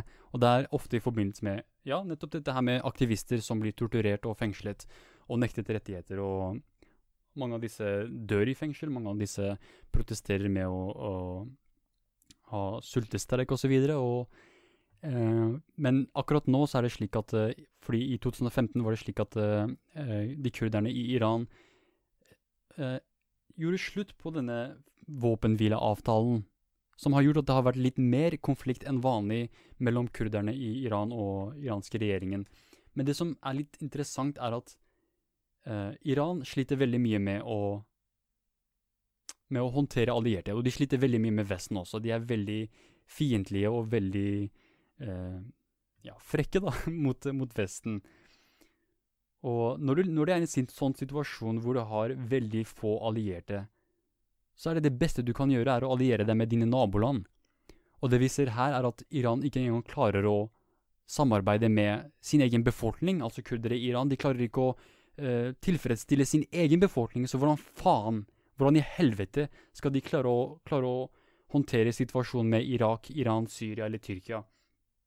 Eller Afghanistan eller Pakistan eller andre naboland? Og hvordan i helvete skal de da klare å håndtere Vesten?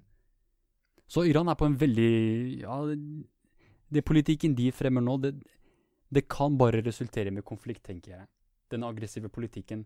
Og for det andre så er det slik at uh, Ira persere selv, eller iranske befolkningen, er De er selv lei av denne politikken til Iran. Denne aggressive uh, in, Denne innblandingspolitikken de har, hvor de blander seg inn i konflikter gjennom hele Midtøsten. Det koster jævlig mye penger. Og de har fått nok av det, og det har vært flere protester om det også.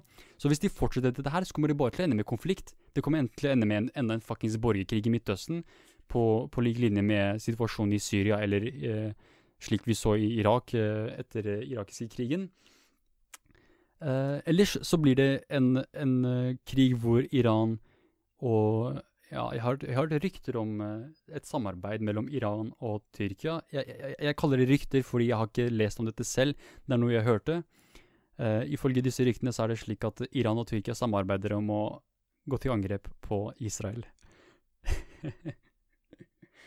De kan like godt bare ta selvmord sånn kødder du med meg, du skal angripe Israel. Men i hvert fall, eh, det, er det, det, er det også det andre jeg frykter, er at uh, Iran vil ta en aggressiv krig mot Israel, eller hvilken som helst annet land, Saudi-Arabia, eller kanskje de invaderer Irak og endelig tar over Irak og gjør Irak til et eh, Shia-dominert eh, en Shia-dominert stat, som om det ikke allerede er det. Um, så Iran er veldig Ja, de, de bør være jævlig forsiktige framover. Uh, og det som Ja, det, jeg glemte å si det her, men det som er litt litt rart, er at på den ene siden så er Iran i krig med kurdere i Iran. Men hvis vi går over grensa til Irak, så er de forhandlingspartnere, så er de businesspartnere med kurdere. Så det er sånn Det er det, er det samme folket. Samme kulturen, samme språket, øh, samme hudfarge. Alt er likt. Det, det er de samme kurderne. De har, de, har, de har, samme navn også, KDP. De det fins i Irak også, det er det ledende partiet i Irak, KDP. Mens i Iran heter det KDPI. Sånn, ja, det, er, det Kurdistans demokratiske parti, men bare i Iran. Så på den ene siden er de allierte med KDP. Men på den andre siden så er de i krig med KDP. Det sånn Det kunne ikke vært et bedre eksempel på, på situasjonen i Midtøsten. På den ene siden er dere fiender som vil drepe hverandre. På den andre siden er dere fuckings bestevenner. Det er sånn Midtøsten-politikk fungerer. Det er sånn det alltid har fungert. Og det ser vi bare i Syria også. På den ene siden er vi i Vesten fuckings bestevenner med visse, visse bevæpnede terroristgrupper i Syria, men på den andre siden er vi fiendene deres. Det er slik situasjonen i Midtøsten er. F fuckings hykleri, fuckings paradoks, fuckings Det er bare kaos.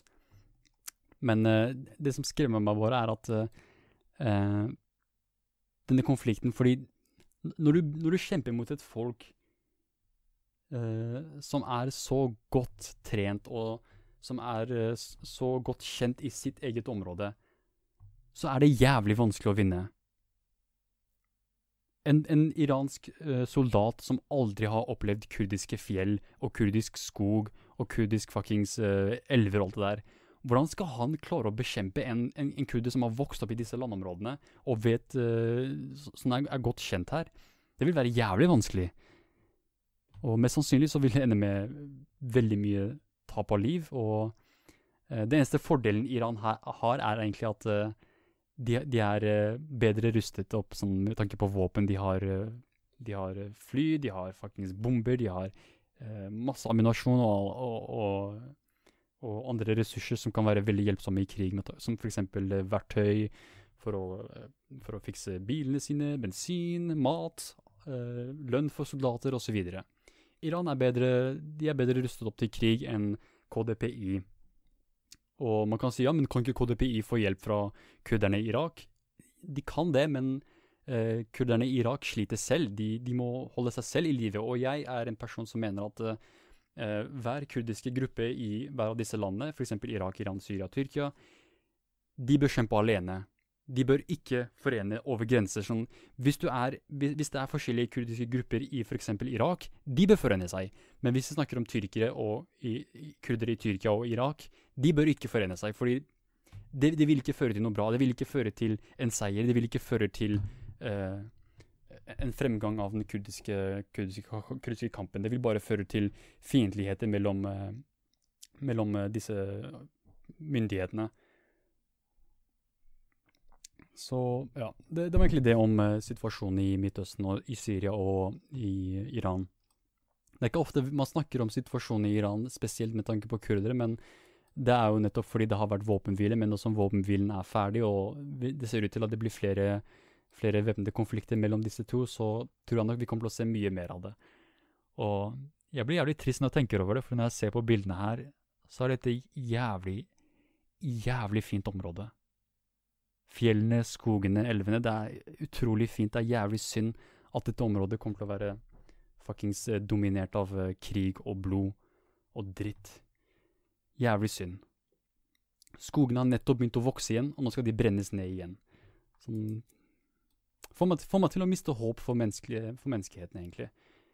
Uh, men ja, det, det, det, er det som skjer i Midtøsten. Så fuck det. Fuck situasjonen i Midtøsten, som vanlig. Men over til positive nyheter. en veldig god nyhet som jeg kom borti her om dagen, er at uh, på E3, som er en slags uh, ja, konferanse for uh, gaming og spill osv., så, videre, så kom Bethesda, som er, en, som er et selskap som har lagd spill som f.eks. Fallout og Elder Scrolls. De kom, kom ut og sa at de skal komme ut med Elder Scrolls 6. Altså en oppfølger av uh, Elder Scrolls 5 som uh, uh, var i Skyrim. Hvis ikke du vet hva jeg snakker om her, så kan det være veldig forvirrende, men i hvert fall, dette var en utrolig god nyhet som jeg kom borti. Og det, det, var ikke så mye informasjon vi fikk om det nye spillet, men vi vet i hvert fall at kvaliteten er jævlig bra. For bare se på den korte, korte, korte traileren jeg så, som jeg skal prøve å sette inn i denne, denne videoen. Så hvis jeg får det til, så kommer den nå.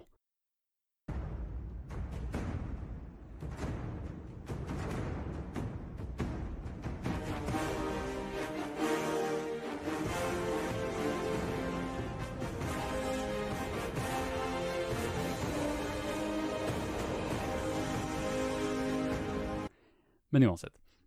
Så vi, som vi ser i denne tra traileren, da, så er det slik at det er veldig bra kvalitet, og musikken er oppgradert som bare faen. Det er eh, mye bedre enn det var på Skyrim, og eh, det gir meg håp da, for at kanskje spillet også blir bedre. Og eh, eh, CEO av eh, Bethesda har sagt tidligere at eh, Tom, Tom How Todd Howard heter han.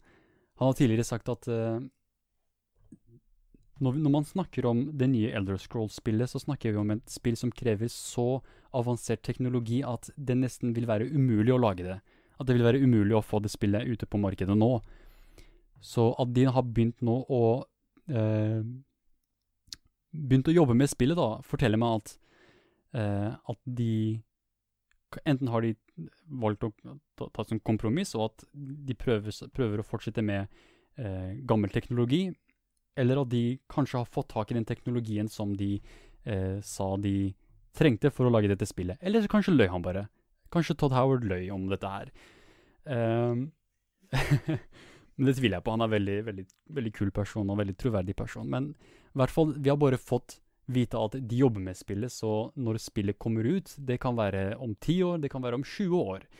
Fordi Bethesda lager kvalitetsspill. De lager heftige fucking spill. Bethesda er det eneste selskapet som lager spill som jeg er villig til å bruke mer enn ti timer på når jeg spiller. Fordi veldig sjelden bruker jeg mer enn to timer på et spill. Det, er veldig sånn ah, herregud, ok, jeg har fått nok.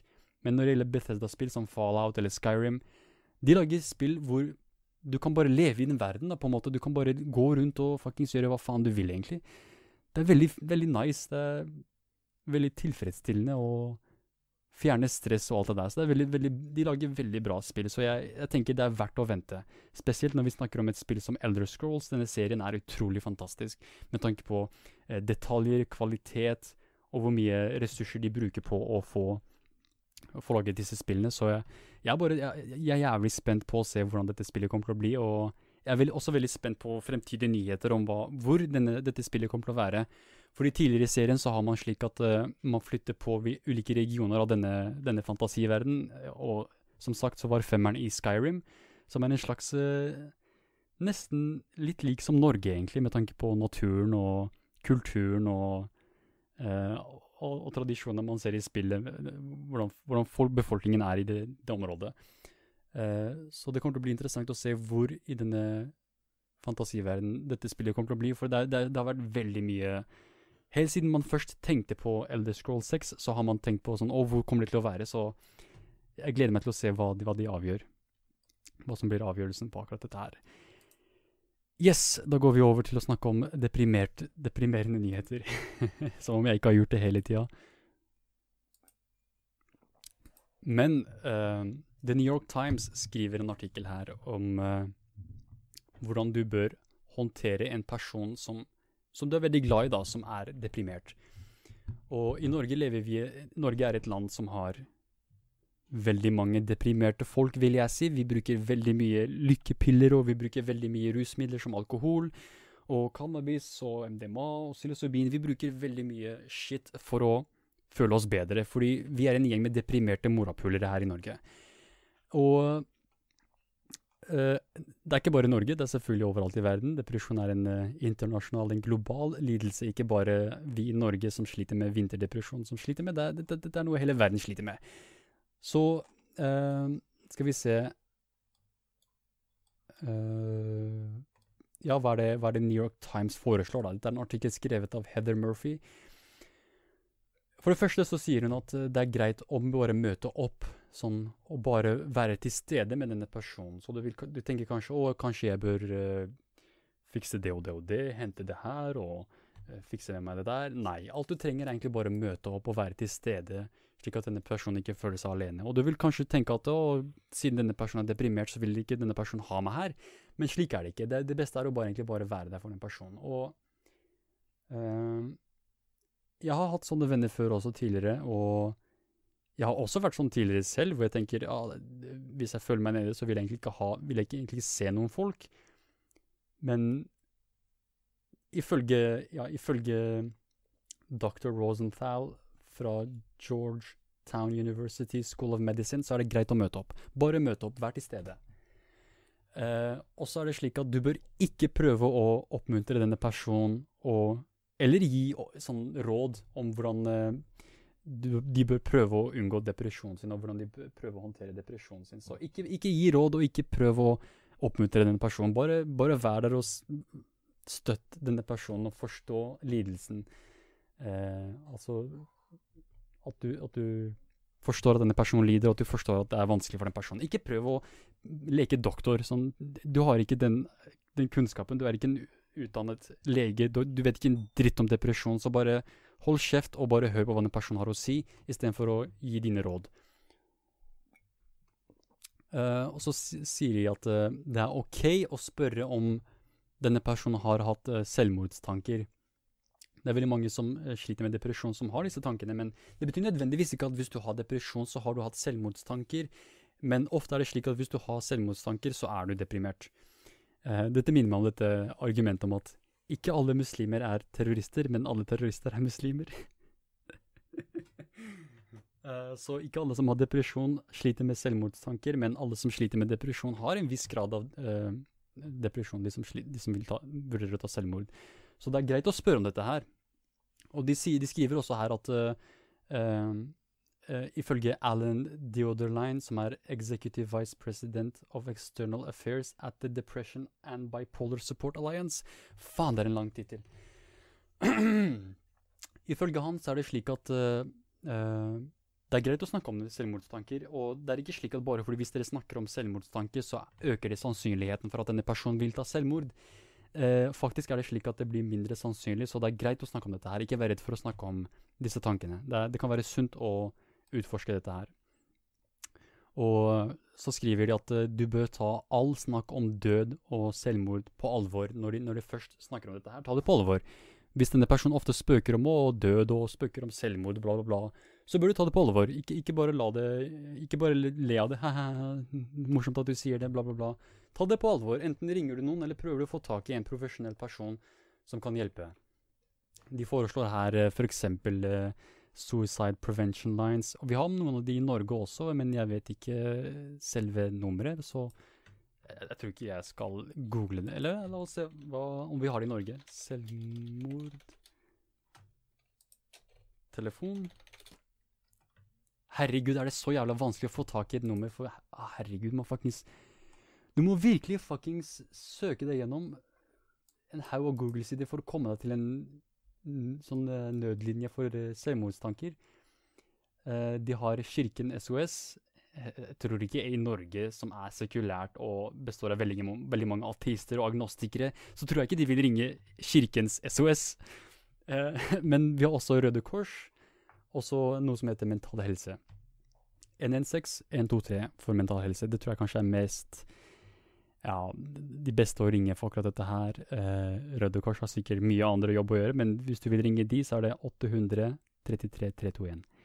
Altså Kirkens SOS 222 22 40 00 40. Det var det. Så ja, selvmordstanke og alt det der, det er, det er, greit å snakke om det, men når det først blir snakket om og det blir snakket om død og alt det der, så burde du ta det på alvor.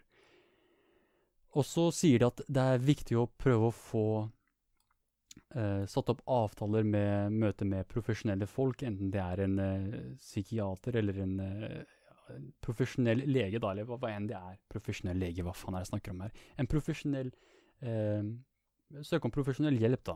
Det er veldig viktig å få det gjort. Og hvis du føler at uh, denne, denne, dette møtet ikke hjalp, så er det greit å oppsøke noen andre. Ikke gi opp, og ikke, ikke, ikke være avhengig av én person heller. Hvis du føler at det ikke hjalp med å hjelpe denne personen. Og så skriver de Ta godt vare på deg selv, og sett grenser. Eh, du må ikke alltid Fordi ofte er det slik at eh, folk som sliter med depresjon, kan være litt eh, irritable og gretne, eller kan være veldig aggressive. Så hvis du blir på en måte Du får personangrep, eller du blir snakket dritt til, så må du prøve å Enten prøve du bare tåle, eller så må du sette grenser for deg selv og prøve å forstå at denne personen ja, har, det, har det vanskelig. Um, men du må også sette grenser, så du må si ifra hvis denne personen, denne deprimerte personen blir litt for brutal med sin kritikk mot deg. Uh, så ta, ta, godt vare på deg selv også, ikke, ikke, bare, ikke la deg selv bli tråkka ned på. Og så må til slutt må du huske at det er mulig å uh, komme seg ut av depresjon. Det er mulig. Det, ifølge disse ekspertene så har de selv sett det, og Det skjer hver dag, så ikke tro at eh, depresjon er en sånn livslangs sånn fuckings eh, dødsdom. Er, du kan komme deg ut av det. Det er mulig. Så det var det, det var det, The New York Times hadde å si om depresjon. Uh, skal vi se Så vi bestemte oss for å ikke snakke om eh, hvordan overleve ramadan. Det kan jeg kanskje ta til neste år, neste sommer. Uh, men jeg må bare ta en kort pause her. Så kommer jeg tilbake og snakker om dette her med ja, uh, karbondioksid som blir pumpa i magen på folk, og de andre nyhetene. Så be right back. Yes, da er vi tilbake. Sorry for at jeg måtte stikke igjen, men jeg ble så jævlig sulten. Og du vet når jeg banner og skriker og fuckings stresser og irriterer meg, så blir jeg veldig fort sulten. Og når jeg spiser, så blir jeg litt mer glad. Så det, jeg, trengte det, jeg trengte det som bare faen, ass. Spesielt etter å ha snakket så mye om fuckings uh, politikk og situasjonen i Midtøsten og fuckings depresjon. What the fuck? Selvfølgelig blir man fucked up i huet av det. Uh, men la oss, la oss uh, Og jeg er egentlig litt usikker på hva jeg, hva jeg, kommer til å si om dette her, for jeg er usikker på hva, hva mitt, mitt ståsted er med tanke på sånn overvektige folk osv. Så, videre. så Hindustan Times, som er en indisk avis, tydeligvis fra New Delhi, skriver How to lose belly fat. Injecting carbon dioxide into body could be key to weight loss. Så dette er skrevet på engelsk, åpenbart, så jeg må oversette direkte og beklager. Det kan være Jeg vet, det er alltid litt mer sånn treigt når jeg gjør det, men i hvert fall eh, de, de, mener her at det å pumpe karbondioksidgass i magen din, i kroppen din, da, kan være en måte å redusere eh, fett på, og en måte å eh, gå ned i vekt, da.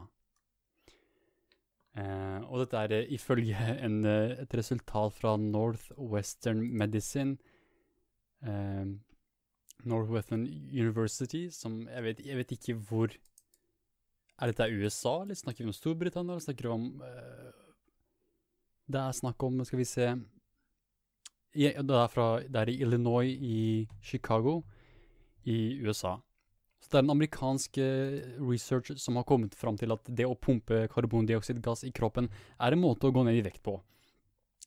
Men uh, ifølge disse resultatene så er det slik at uh, denne metoden Selv om det, det, var noen forandringer, men så var forandringene veldig små, og den resulterte ikke i eh, langsiktig fettreduksjon. Ifølge eh, hovedforfatteren av denne rapporten, Morad Alam, Morad, doktor Morad Alam, Karbokst-terapi, som det er det de kaller det, kan potensielt være en ny og en effektiv måte for, metode for eh, fettreduksjon. Eh, det må sorry. Det må fortsatt optimeres eh, og slik at den kan være langvarig. Fordelene med en slik tilnærming er at det er mindre tidsbruk, eller sånn, da, bruker mindre tid på å fjerne fett. Eh, vi forhindrer demo, uh, sånn arr og alt det der, for, for fettsuging også og alt det der. Og det, det, det, sies at det kan være tryggere. Karboksterapi har eh, blitt utført ja, i et par kliniske studier, og det ser ut til at eh, det kan bidra til en eh, varig forbedring i, i dette feltet. Uh, det er De mener at det å injeksjere, Injektere Hvordan sier man Injeksjere, Injektere Ja, jeg sier pumpe bare for å Men de, de, sier injection. Jeg kan ikke det norske ordet, dessverre. Vet du hva, la meg ta en Google search. Uh, på disse ordene. Fordi som sagt, jeg kan faen ikke norsk, så det er greit å ha Google oversetter til å uh, Injeksjon. Injecting Ja, da blir det et helt annet ord. Injectioning. Inject, injecting Ja, herregud, norsk har ikke Jeg tror ikke vi har noen uh, Ja, det, vi har bare inje, inject... Inje, herregud.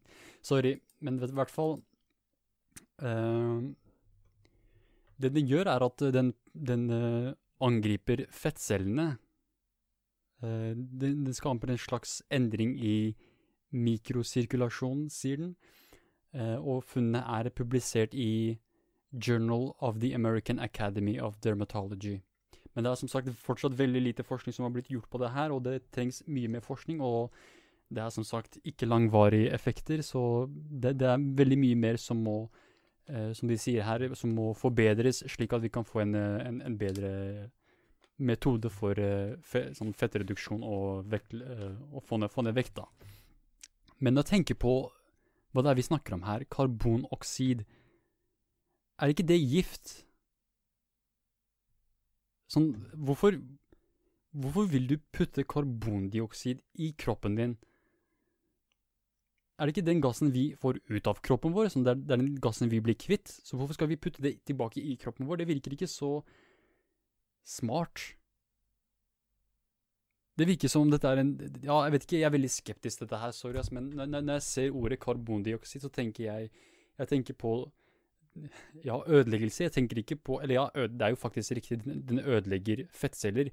Men jeg tenker at det kan også være andre sideeffekter av denne metoden som gjør at ja, man kanskje utvikler en skitten type kreft som et resultat av denne metoden. For det er jo som sagt en veldig ny metode som har blitt testet veldig lite, og det er fortsatt veldig mye som må forskes mer på. Så det blir feil å si uh, at vi definitivt har funnet en ny, ny, metode. Jeg tror nok vi heller har funnet en muligens ny metode. Men uh, jeg vil fortsatt si at uh, ti, de andre metodene Ja, jeg tenker de, de, problemene vi har med de andre metodene, er jo kosmetiske. Vi vil ikke ha arr etter fettsuging. Det er sånn hva, hva, er bedre for deg, det å overleve eller det å ha et arr? Som hvis jeg var overvektig og det var en trussel for min, min, min helse, at jeg muligens ville få en eller annen sykdom hvis ikke jeg eh, gikk ned i vekt, da. Jeg hadde heller tatt fettsuging enn å bruke karbondioksid til å bekjempe eh, fettcellene. Eh, men det er meg. Det er, bare meg. Men som sagt, dette er en ny metode, så jeg håper at uh, den faktisk ja, blir forska litt mer på. Kanskje, kanskje, jeg tar feil, kanskje du ikke utvikler noen type kreft. Kanskje dette er den perfekte måten å bekjempe eh, overvektighet. Fordi det er jo et problem i veldig mange vestlige land hvor vi har det ganske godt, og vi har trygghet, og vi har tilgang på mat og ressurser, så er det veldig mange som bruker for mye av disse ressursene og blir feite jævler. Sorry, sorry, sorry. Faen, sorry. Nå er det sikkert mange som ble såra fordi jeg, jeg, sa ordet feite jævler, men la, la, oss være ærlige.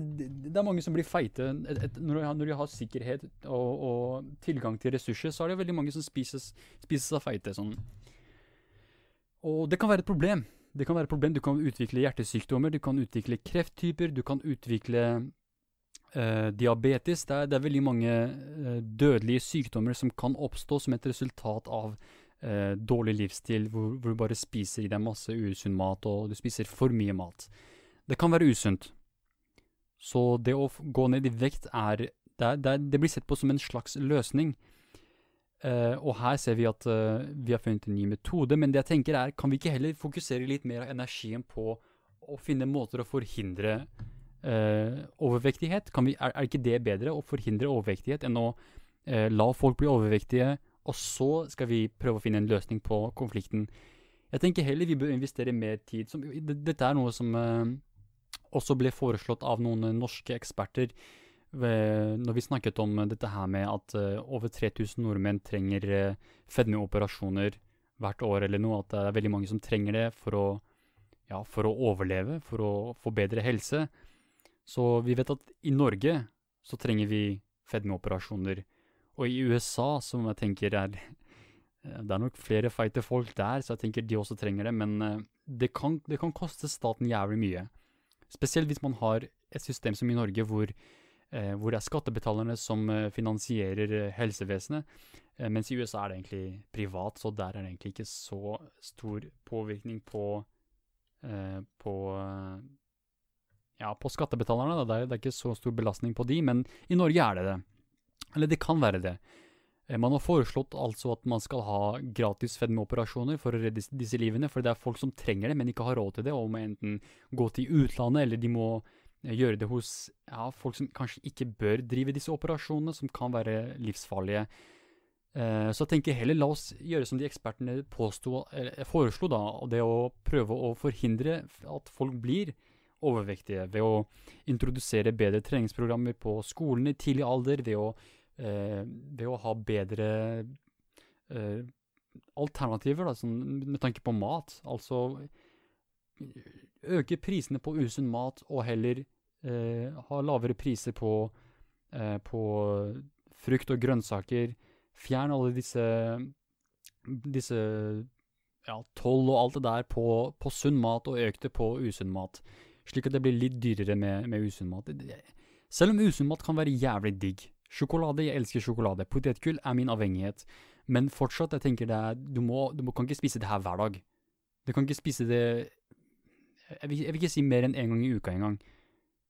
Uh, eller det er i hvert fall slik jeg lever, men hvem er jeg til å tvinge deg til å velge en viss livsstil over den andre? Hvis vi lever i et fritt land, noe vi gjør, så bør du kunne velge om du vil uh, bli feit eller ikke. Men jeg tenker, la oss, la oss fortsatt bare regulere La oss regulere sånn Det er fortsatt Du kan fortsatt uh, spise deg så feit som du vil, du kan bli så feit som du bare vil, men la oss gjøre det litt vanskeligere. Fordi vi vet at uh, det en dag vil komme Det vil ende opp i at personen blir overvektig, sånn helsetruende overvektig, og det kan kreve at de får fedmeoperasjoner, som igjen blir en belastning på skattebetalerne. Så la oss bare gjøre det litt vanskeligere.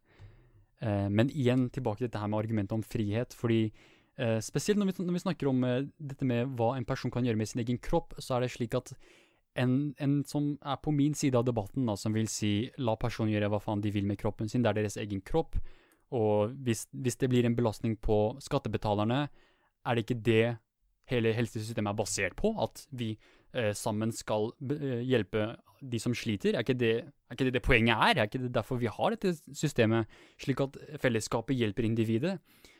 Uh, og det, det, tenker jeg, det argumentet har jeg egentlig ikke no, noe imot, fordi det er jo sant, det er jo derfor vi har dette systemet her, slik at de som ikke, ikke har tilgang til den hjelpen, kan få den hjelpen.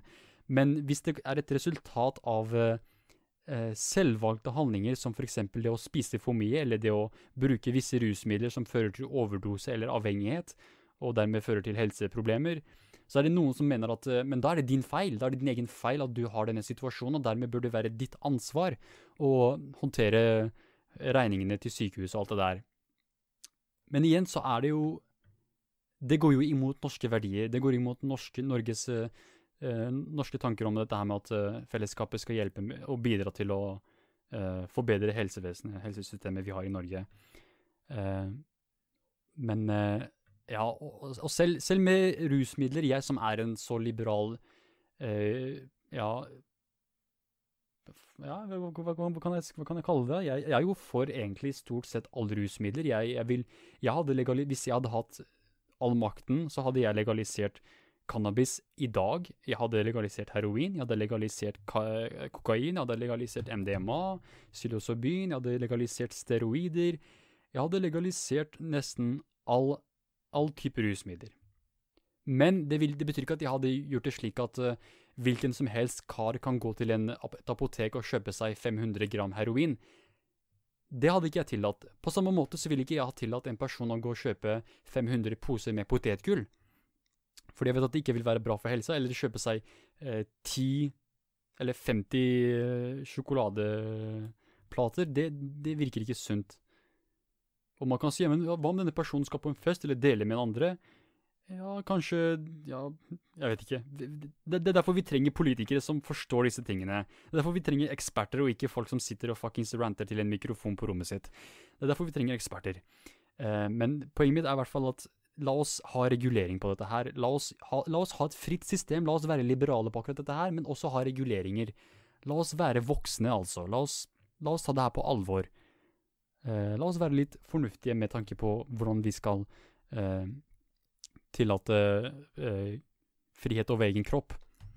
Fordi hvis vi kommer til et punkt hvor vi sier at ah, du, kan ikke spise usunt, eller du får ikke lov til å være feit, ja, hvorfor skal det stoppe der? Hvorfor skal det, hvorfor skal det da uh, være greit å si det er greit å ta abort? For det er jo også snakk om egen kropp. Da kan vi ikke si at du, du kan ikke ta abort, eller du kan, du kan ta abort. Vi kan ikke si noe som helst om det, fordi vi sier at uh, feite folk ikke har lov til å bli feite. Vi kan, ikke, du, du får ikke lov til å bruke, vi kan si du får ikke lov til å bruke cannabis, for det kan også påvirke helsa di. Du kan ikke bruke eh, alkohol, du kan ikke bruke det og det og det. Du kan ikke kjøre bil, du kan ikke drikke for mye vann. Det er sånn, det er slippery slope. Det er sånn, du argumenterer for én ting, plutselig har du argument imot en haug av andre ting.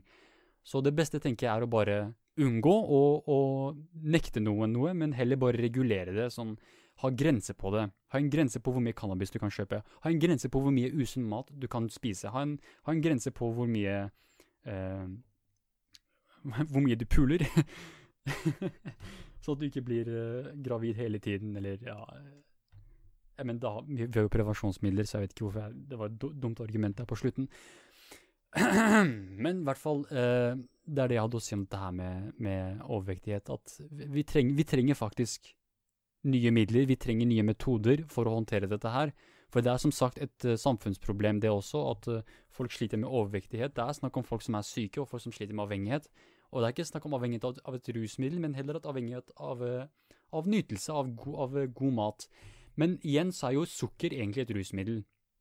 Så det kan også være snakk om avhengighet av sukker. og jeg husker når jeg, når jeg pleide å delta i debatter om uh, rusmidler, så pleide jeg å trekke fram at tobakk og sukker også er rusmidler, og at kaffein også er rusmidler. Og jeg pleide å bli ledd av. sånn Folk pleide å mobbe meg og sånn å, 'Hva faen er det du snakker om? Er sukker rusmidler? Kaffe er ikke rus.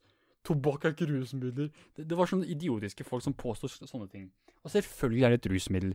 Selvfølgelig er det et rusmiddel. Du bruker dette stoffet, og det aktiverer dopaminceller som gir deg nytelse.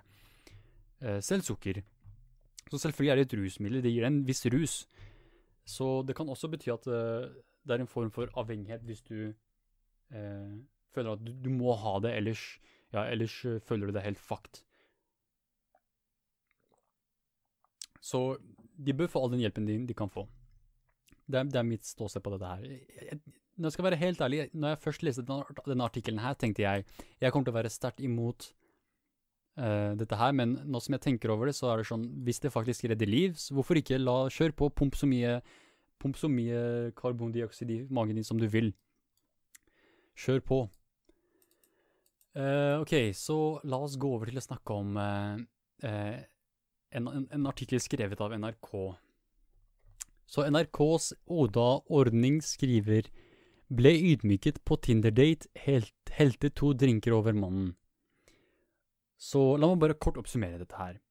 Det var en jente som ble kontaktet gjennom Instagram og sagt at 'Å, jeg har en venn som så deg på Tinder og syns du er ganske fin, og han vil ja, be deg med ut'. Eh, og det endte med at ja, de, de, gikk ut på en date, og når jenta møtte opp, så var daten allerede drita.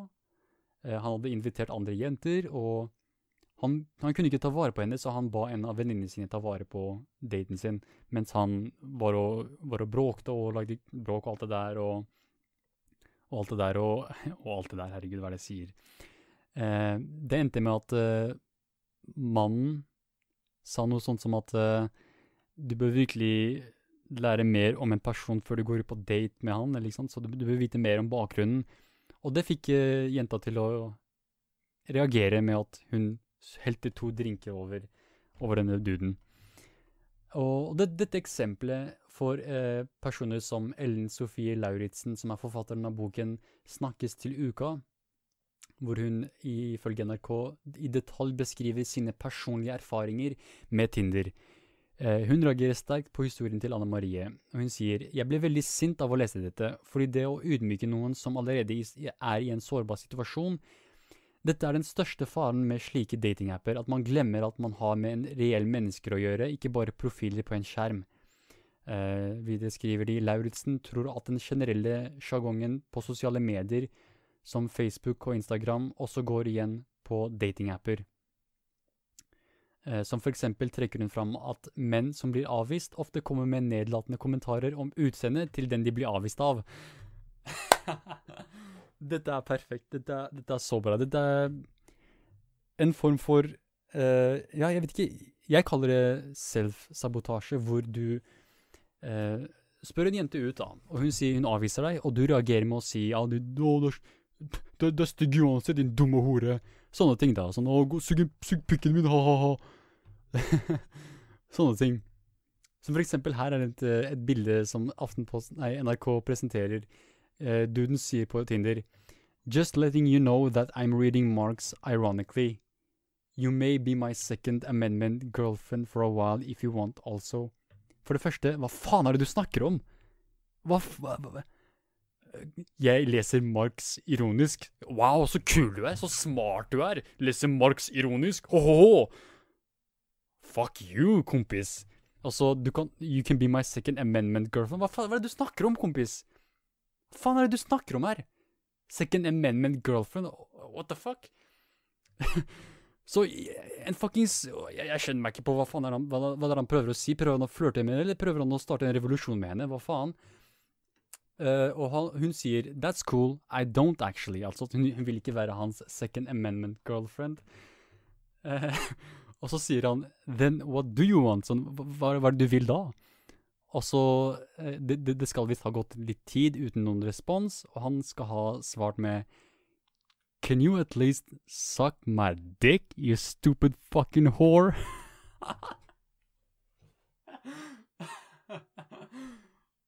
Ah, for en fuckings klovn. Og så skriver han på slutten LOL.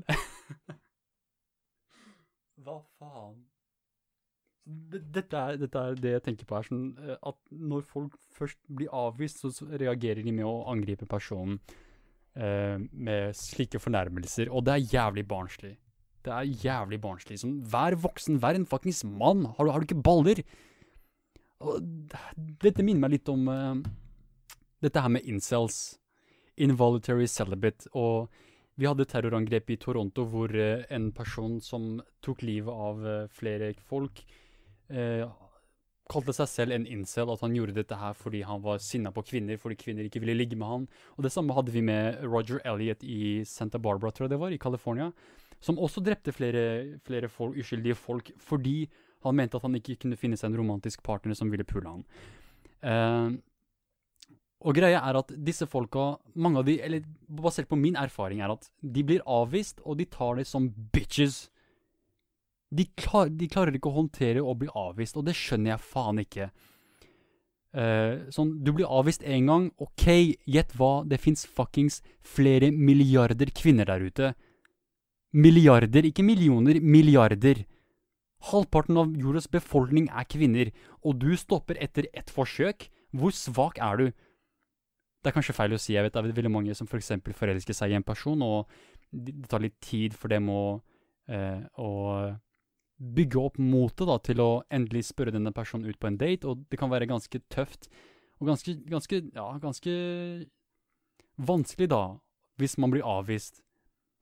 Og det er kanskje feil av meg å si at de er svake, fordi hvis du først har spurt de ut på en date, så har du ikke vært svak, da har du faktisk, da har du tørt å gjøre noe med følelsene da. Men fortsatt at du reagerer med å si OK, jeg ble avvist, dermed skal jeg gi opp med kvinner, der, eller dermed skal jeg eh, si at alle kvinner er horer, eller at alle kvinner er bare ute etter eh, menn som ser bra ut, eller har, har masse penger, eller har perfekt eh, fjes og alt det der.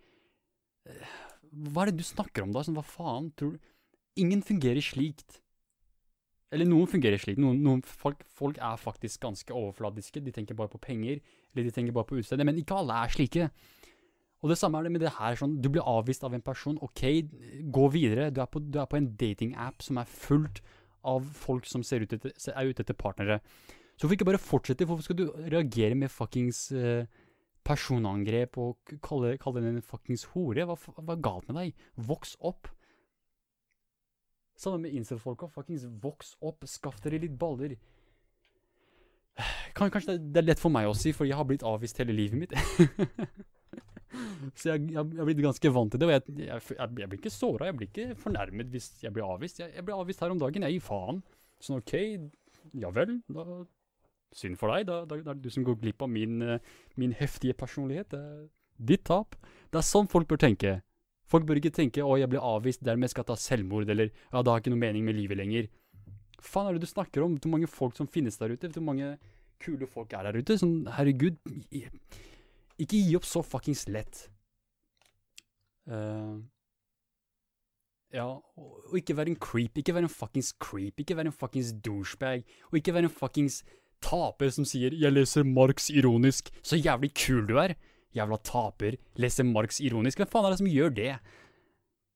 Marx er Jeg er ikke en kommunist, jeg er ikke en fuckings uh, marxist, men Marx hadde gode poeng om kapitalisme. Du trenger ikke å lese han ironisk, sånn bare for å leke smart, og så, så sier du det til, en, til noen på Tinder sånn Hva er det du driver med, kompis? Hva faen? Og så You can be my second amendment girlfriend for a while if you want also. Hva faen? Hva er det du driver med? Kan du, kan du faktisk gi henne et kompliment først? Sånn, hva faen er det Noen dudes, ass. Noen dudes, jeg skjønner meg faen ikke på de. Virkelig, jeg skjønner meg faen ikke på de. Sånn Tål, tål det å bli avvist sånn For lenge siden så hadde jeg et mål, og det var å bli avvist av ti personer. Sånn, jeg bare, ok, På ett år skal jeg love meg selv at jeg skal bli avvist ti ganger. Jeg klarte det faen ikke. Og jeg er jo ikke noe Jeg, jeg, jeg, jeg er, ikke, er, ikke, sånn superkjekk jævel. Jeg, faen meg, jeg, vil si jeg er en sterk femmer. Og jeg, klarte faen ikke å bli avvist ti ganger. Jeg tror jeg, kom på tre, mens resten var sånn ja, ok, greit, la oss finne på noe. Det er sånn Folk flest er kule. Folk flest vil bare ha det gøy. Og de vil ha det hyggelig. Men hvis du er en person som, hvor intensjonene dine bare er å få deg et ligg, eller bare for å få pikken din sugd. Det er sånn, hva faen, da, da, fortjener du det ikke. Da fortjener du å bli avvist.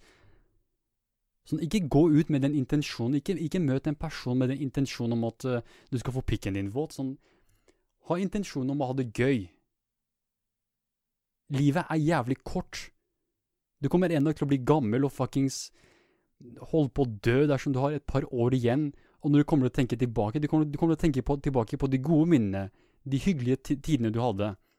Så prøv å lage mer av disse, disse erfaringene. Prøv å ha gode erfaringer istedenfor den, denne, dette drittet om å, å 'Jeg har det så vanskelig, jeg har det så tøft fordi ingen vil pule meg.' Sånn, hva, faen? Skjerp deg.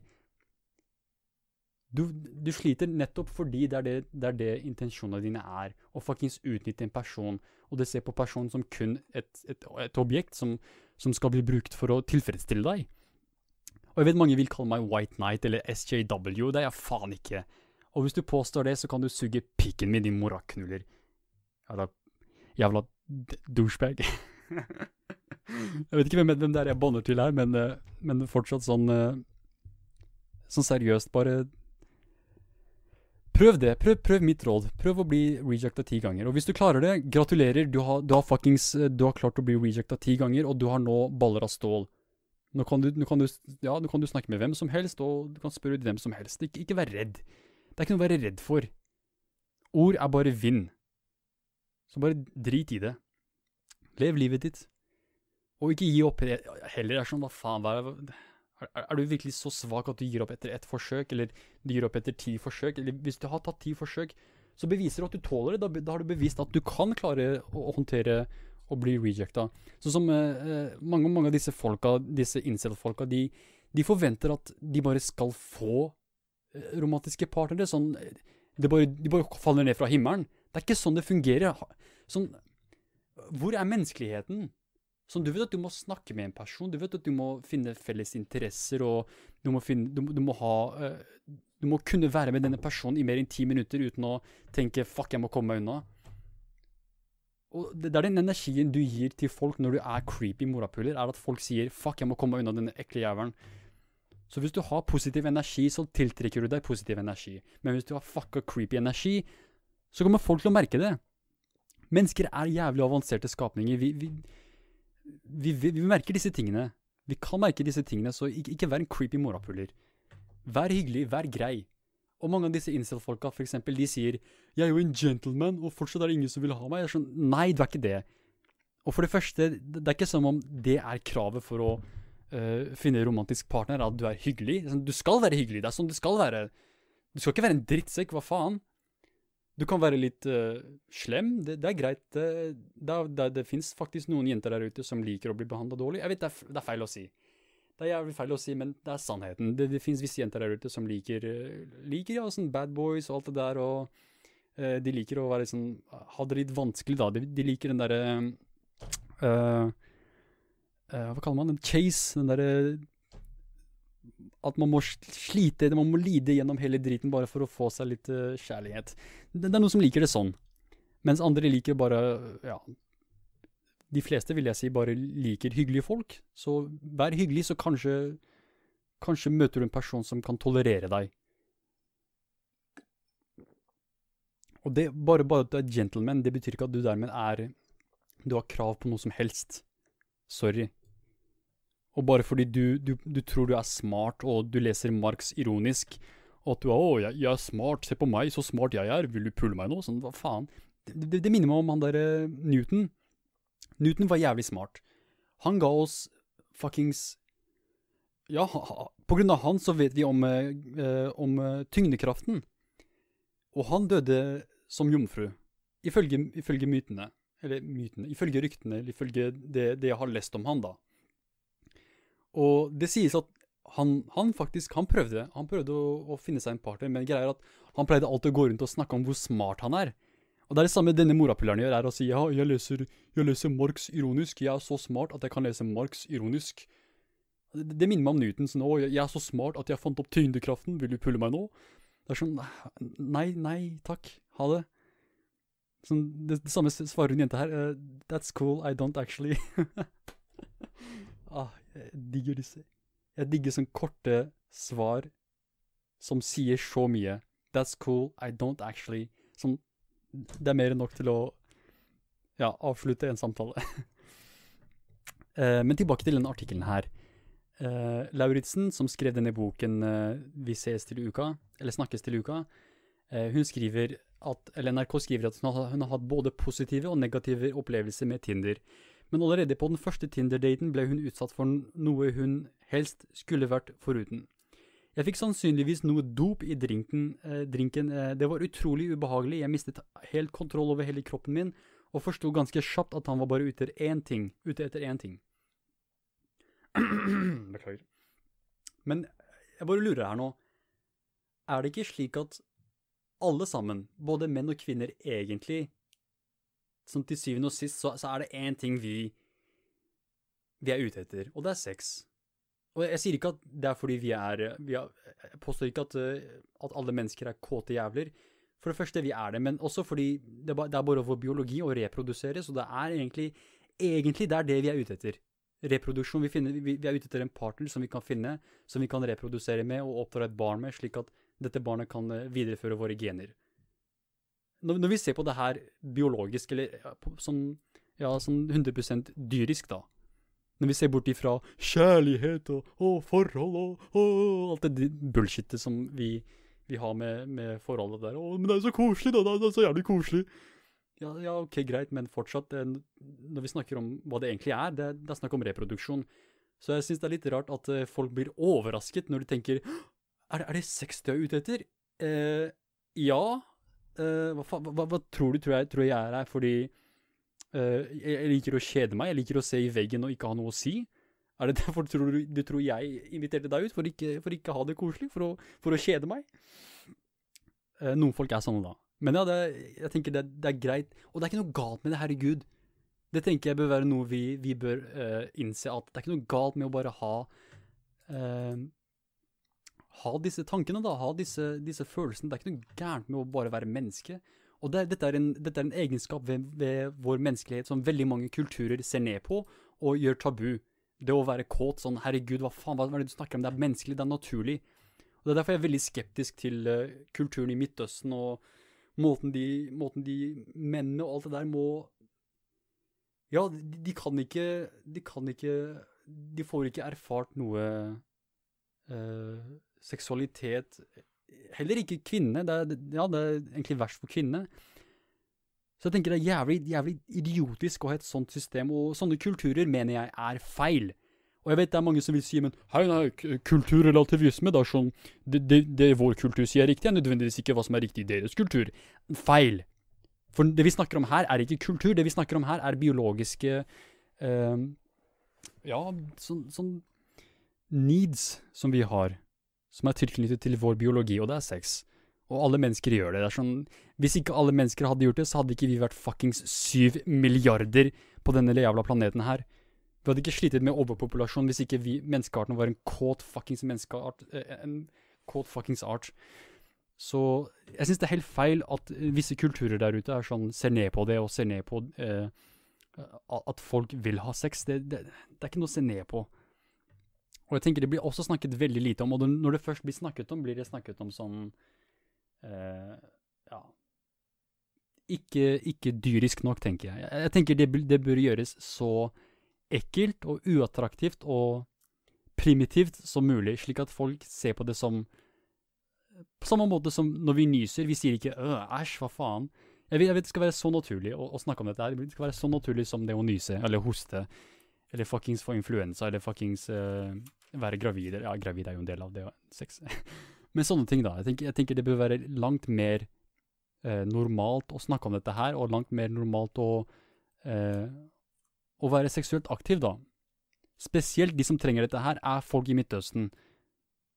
Fordi, tenk deg da, hvis, hvis disse sinna, hårete mennene fikk seg et ligg her iblant, sånn en gang i uka eller en gang i måneden, tror du virkelig de hadde gått og sprengt seg selv i lufta? Det tror ikke jeg, altså. Jeg, jeg, jeg tror nok ikke det. Jeg tror nok hvis disse hadde Hvis en av disse terroristene fikk en blowjob eh, en gang i uka, så tror jeg ikke de hadde tatt selvmord. De hadde heller gledet seg til neste uke. Så jeg tror nok sex kan være løsningen på konflikt.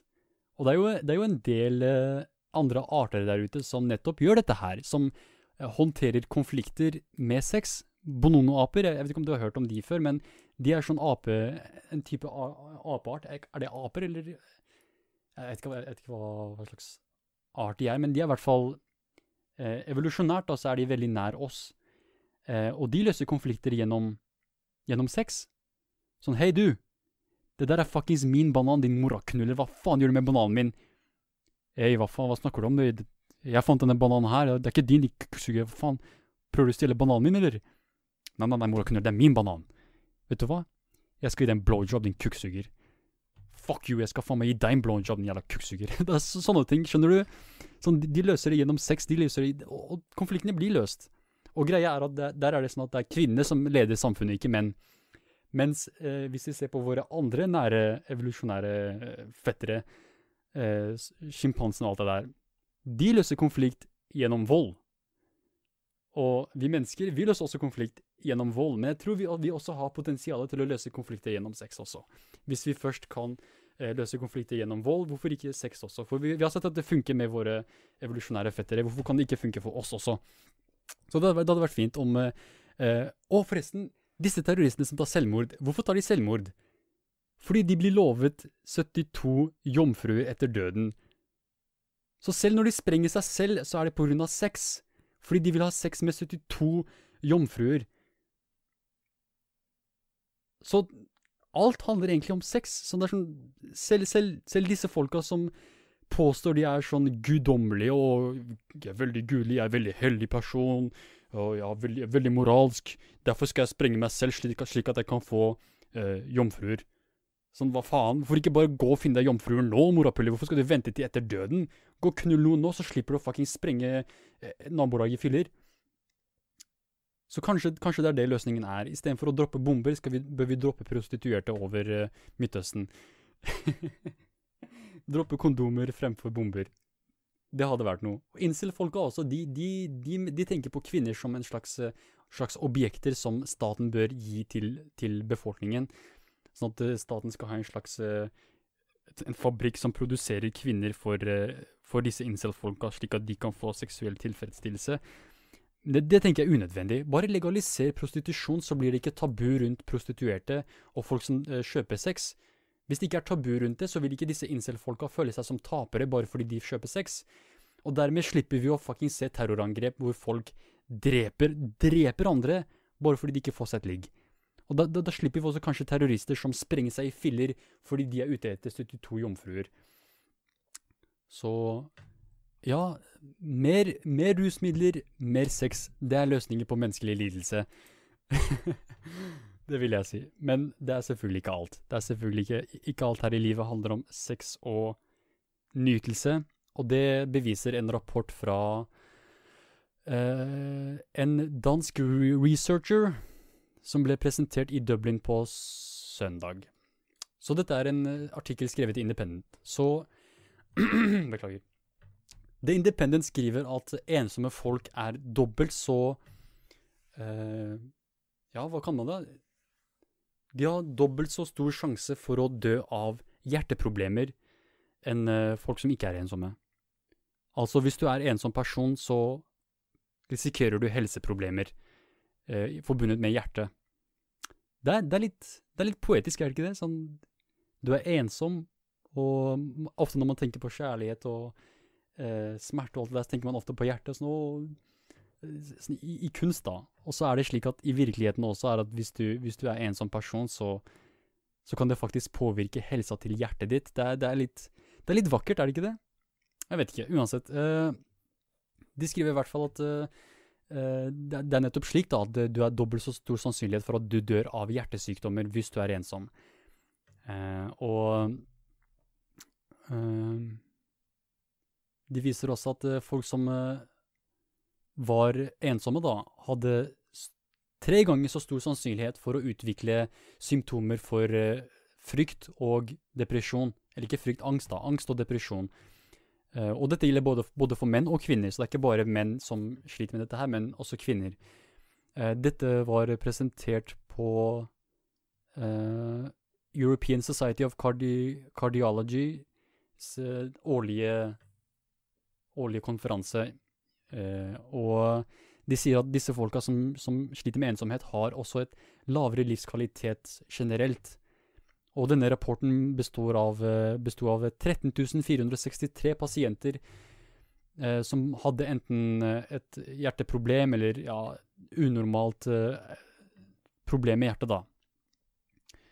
Og de baserte det på kvaliteten av deres sosiale nettverk, og de baserte spørsmålene på f.eks. som har du noen å snakke med når du trenger det, eller føler du deg alene noen ganger eh, selv om du vil være sammen med noen? Så dette her med det, det, Her kommer det skille mellom ensomhet og enslighet. Eh, altså, du kan være ensom, men være omringet av alle de personer du elsker i hele livet ditt. Du elsker disse folka, men du er omringet av dem, men du kan fortsatt føle deg ensom. På samme måte så kan du være enslig og ikke være ensom i det hele tatt. Du kan være helt alene, men være lykkelig som bare faen. Som er egentlig der jeg ligger, for å være helt ærlig. Så det, det her med enslighet og ensomhet, det er, ikke, det er ikke det samme. Det er det de skriver her, ifølge eh, Vinegård Christensen, som er en av de eh, forskerne som kom fram til denne situasjonen her. Eh, så bare fordi du eh, ikke er alene, betyr ikke at du er immun mot eh, disse, disse problemene. Og bare fordi du er omringet av folk, betyr ikke at du ikke kan utvikle ensomhet. og de skriver at vi lever i en tid hvor ensomhet er mer til, til stede, og helsetjenester bør være mer aktive i å i å Herregud, assessing risk. Jeg kan, jeg kan faen ikke ha direkte oversettelse. Og vurdere risikoen, da. Og, og vurdere risikoen. Al altså, de bør være mer aktive om å forstå dette her, og uh, ja, være mer åpne om det og snakke mer om det, og prøve å forstå det mer og uh, forstå risikoen ved dette her. Og de skriver også at uh, våre studier viser at disse to spørsmålene om sosial nettverk og alt det der, gir oss mye informasjon om eh, den helseutkommen til disse folka. Så f.eks. bare ved å spørre en person om har du noen å snakke med når du føler, når du føler at du trenger det, hvis en lege spør det her, da, så kan det være med på å avgjøre om eh, denne personen muligens vil utvikle hjertesykdommer hvis, hvis, denne personen viser seg å være ensom, da. Eller ja, det finnes, altså Spørsmålene de har brukt her, jeg er egentlig litt skeptisk til spørsmålet. Jeg vet ikke til hvilken grad de kartlegger uh, ensomheten til folk her, men ifølge rapporten så skal det ha vært ganske effektivt, så jeg regner med at det er ganske greie spørsmål. Så det hadde ikke vært ille hvis legene ofte spurte dette her til, uh, ja, til, til, sine pasienter da, for å vurdere om denne personen er, risikerer å utvikle hjertesykdommer. Men problemet blir da hvordan, hvordan løser man dette problemet med ensomhet? Fordi som sagt, Ensomhet og enslighet er ikke én ting, så hvis en person er alene, og du sier Og denne personen er alene og føler seg ensom, så blir det vanskelig å si ja, men kanskje du trenger bare en partner, kanskje du trenger bare en familie, eller kanskje du trenger bare flere venner. Det er nødvendigvis ikke svaret på dette problemet, så hva, hva blir, hva blir eh, eh, riktig medisin for eh, ensomhet? Hvordan skal man behandle ensomhet? Det blir veldig vanskelig. Det er jo en slags følelse som ikke er uh, tilknyttet til sosial nettverk. Men igjen så er dette her med å ha noen å snakke med, kanskje det er det som er hele poenget. At du trenger ikke nødvendigvis å alltid ha noen der, men at du noen ganger når du trenger det, at du har noen å snakke med når du trenger det, det kan være greit. Fordi selv jeg som en person, jeg er en veldig isolert person, jeg liker å holde meg for meg selv, og, men til tider så liker jeg å være med venner også. Jeg liker å uh, ha noen å snakke med om diverse ting. Så det kan være sunt, det også. Uh, men ikke alle er like heldige. Ikke alle har som sagt noen å snakke med når de trenger det. Uh, og mitt råd her ville egentlig vært rusmidler. jeg vet ikke, kanskje det hjelper, kanskje det hjelper, for vi har jo sett utrolig mange ting som rusmidler hjelper med med tanke på angst og depresjon og eh, PTSD og depresjon, alt det her. Så kanskje det også hjelper med ensomhet, med følelser av ensomhet, hvis man bruker rusmidler som eksempel psilocybin, som, som sies å hjelpe med med å eh, relatere til andre mennesker og, og, forstå mennesker bedre. Så kanskje rusmidler hjelper. Det kanskje legemidler hjelper. Det, det er som sagt eh, jeg vet, jeg vet, ikke om noen spesifikke medisiner eller behandling for ensomhet, men eh, det vi vet da, er at eh, ensomhet kan være dødelig. Så hvis du føler deg ensom, prøv å finne en løsning for det. Prøv å finne en sånn Eksperimenter. Prøv å finne en person du kan snakke med, eller prøv å bare gjøre noe som helst som gjør at du føler deg mindre ensom. Så slipper du kanskje å dø av uh, hjertesykdommer. Og heller dø av kreft eller andre typer sykdommer. Fordi ja, du vet, alt her i verden kommer til å få meg til å drepe deg. Og ingen kommer til å overleve altfor lenge, eller alle kommer til å dø, så bare fokuser på å leve så lenge som mulig. uh, og, og, hvis det er mulighet for det, hvorfor ikke, hvorfor ikke prøve å gjøre det bedre? Hvorfor ikke prøve å slutte å føle deg ensom? Hvorfor ikke prøve å finne en partner? Hvorfor ikke prøve å eh, teste rusmidler? Sånne ting. Men i hvert fall, dette ble en to og en halv timers lang podkast, så jeg beklager for det hvis du er en person som ikke liker lange podkast. Men som sagt så vil jeg kutte de her opp til kortere segments, fordi det ble, la oss se, 1, 2, 3, 4, 5, 6, 7, 8, 9, 10, 12 saker. Så enten får du en jævlig lang podkast, eller så får du tolv spamma videoer på YouTube-feeden din, så beklager for det. Uh, men hva faen, hvorfor sier jeg beklager? Det er, det er, jo ganske greit, er det ikke? Det er ikke ganske kjekt å ha begge to til stede, hvor du kan skippe all det bullshit jeg snakker om, og heller gå til det temaet du er interessert i. Jeg tenker det er bedre. Jeg tenker det er mye bedre. Men i hvert fall, eh, som sagt, eh, sist gang så opplevde jeg tekniske problemer med eh, spikes i eh, lyden, hvor det plutselig ble jævlig mye støy, man kunne faen ikke høre hva jeg sa. Hvis det ble det denne podkasten også, så beklager jeg for det, og jeg tror ikke jeg kommer til å spille inn det her på nytt, for det blir altfor mye materiale, så hvis det ble det, så Jeg kommer bare til å laste det opp slik det er, og Ja, jeg må bare akseptere det, for jeg gidder faen ikke å eh, prøve å finne en løsning på dette her, for jeg vet da faen hva, hva problemet er. Men hvis det ikke ble det, så er det bare fint. Da er det ikke noen problemer. Men i hvert fall, dette var Hivar. Takk for at du hørte på, og nå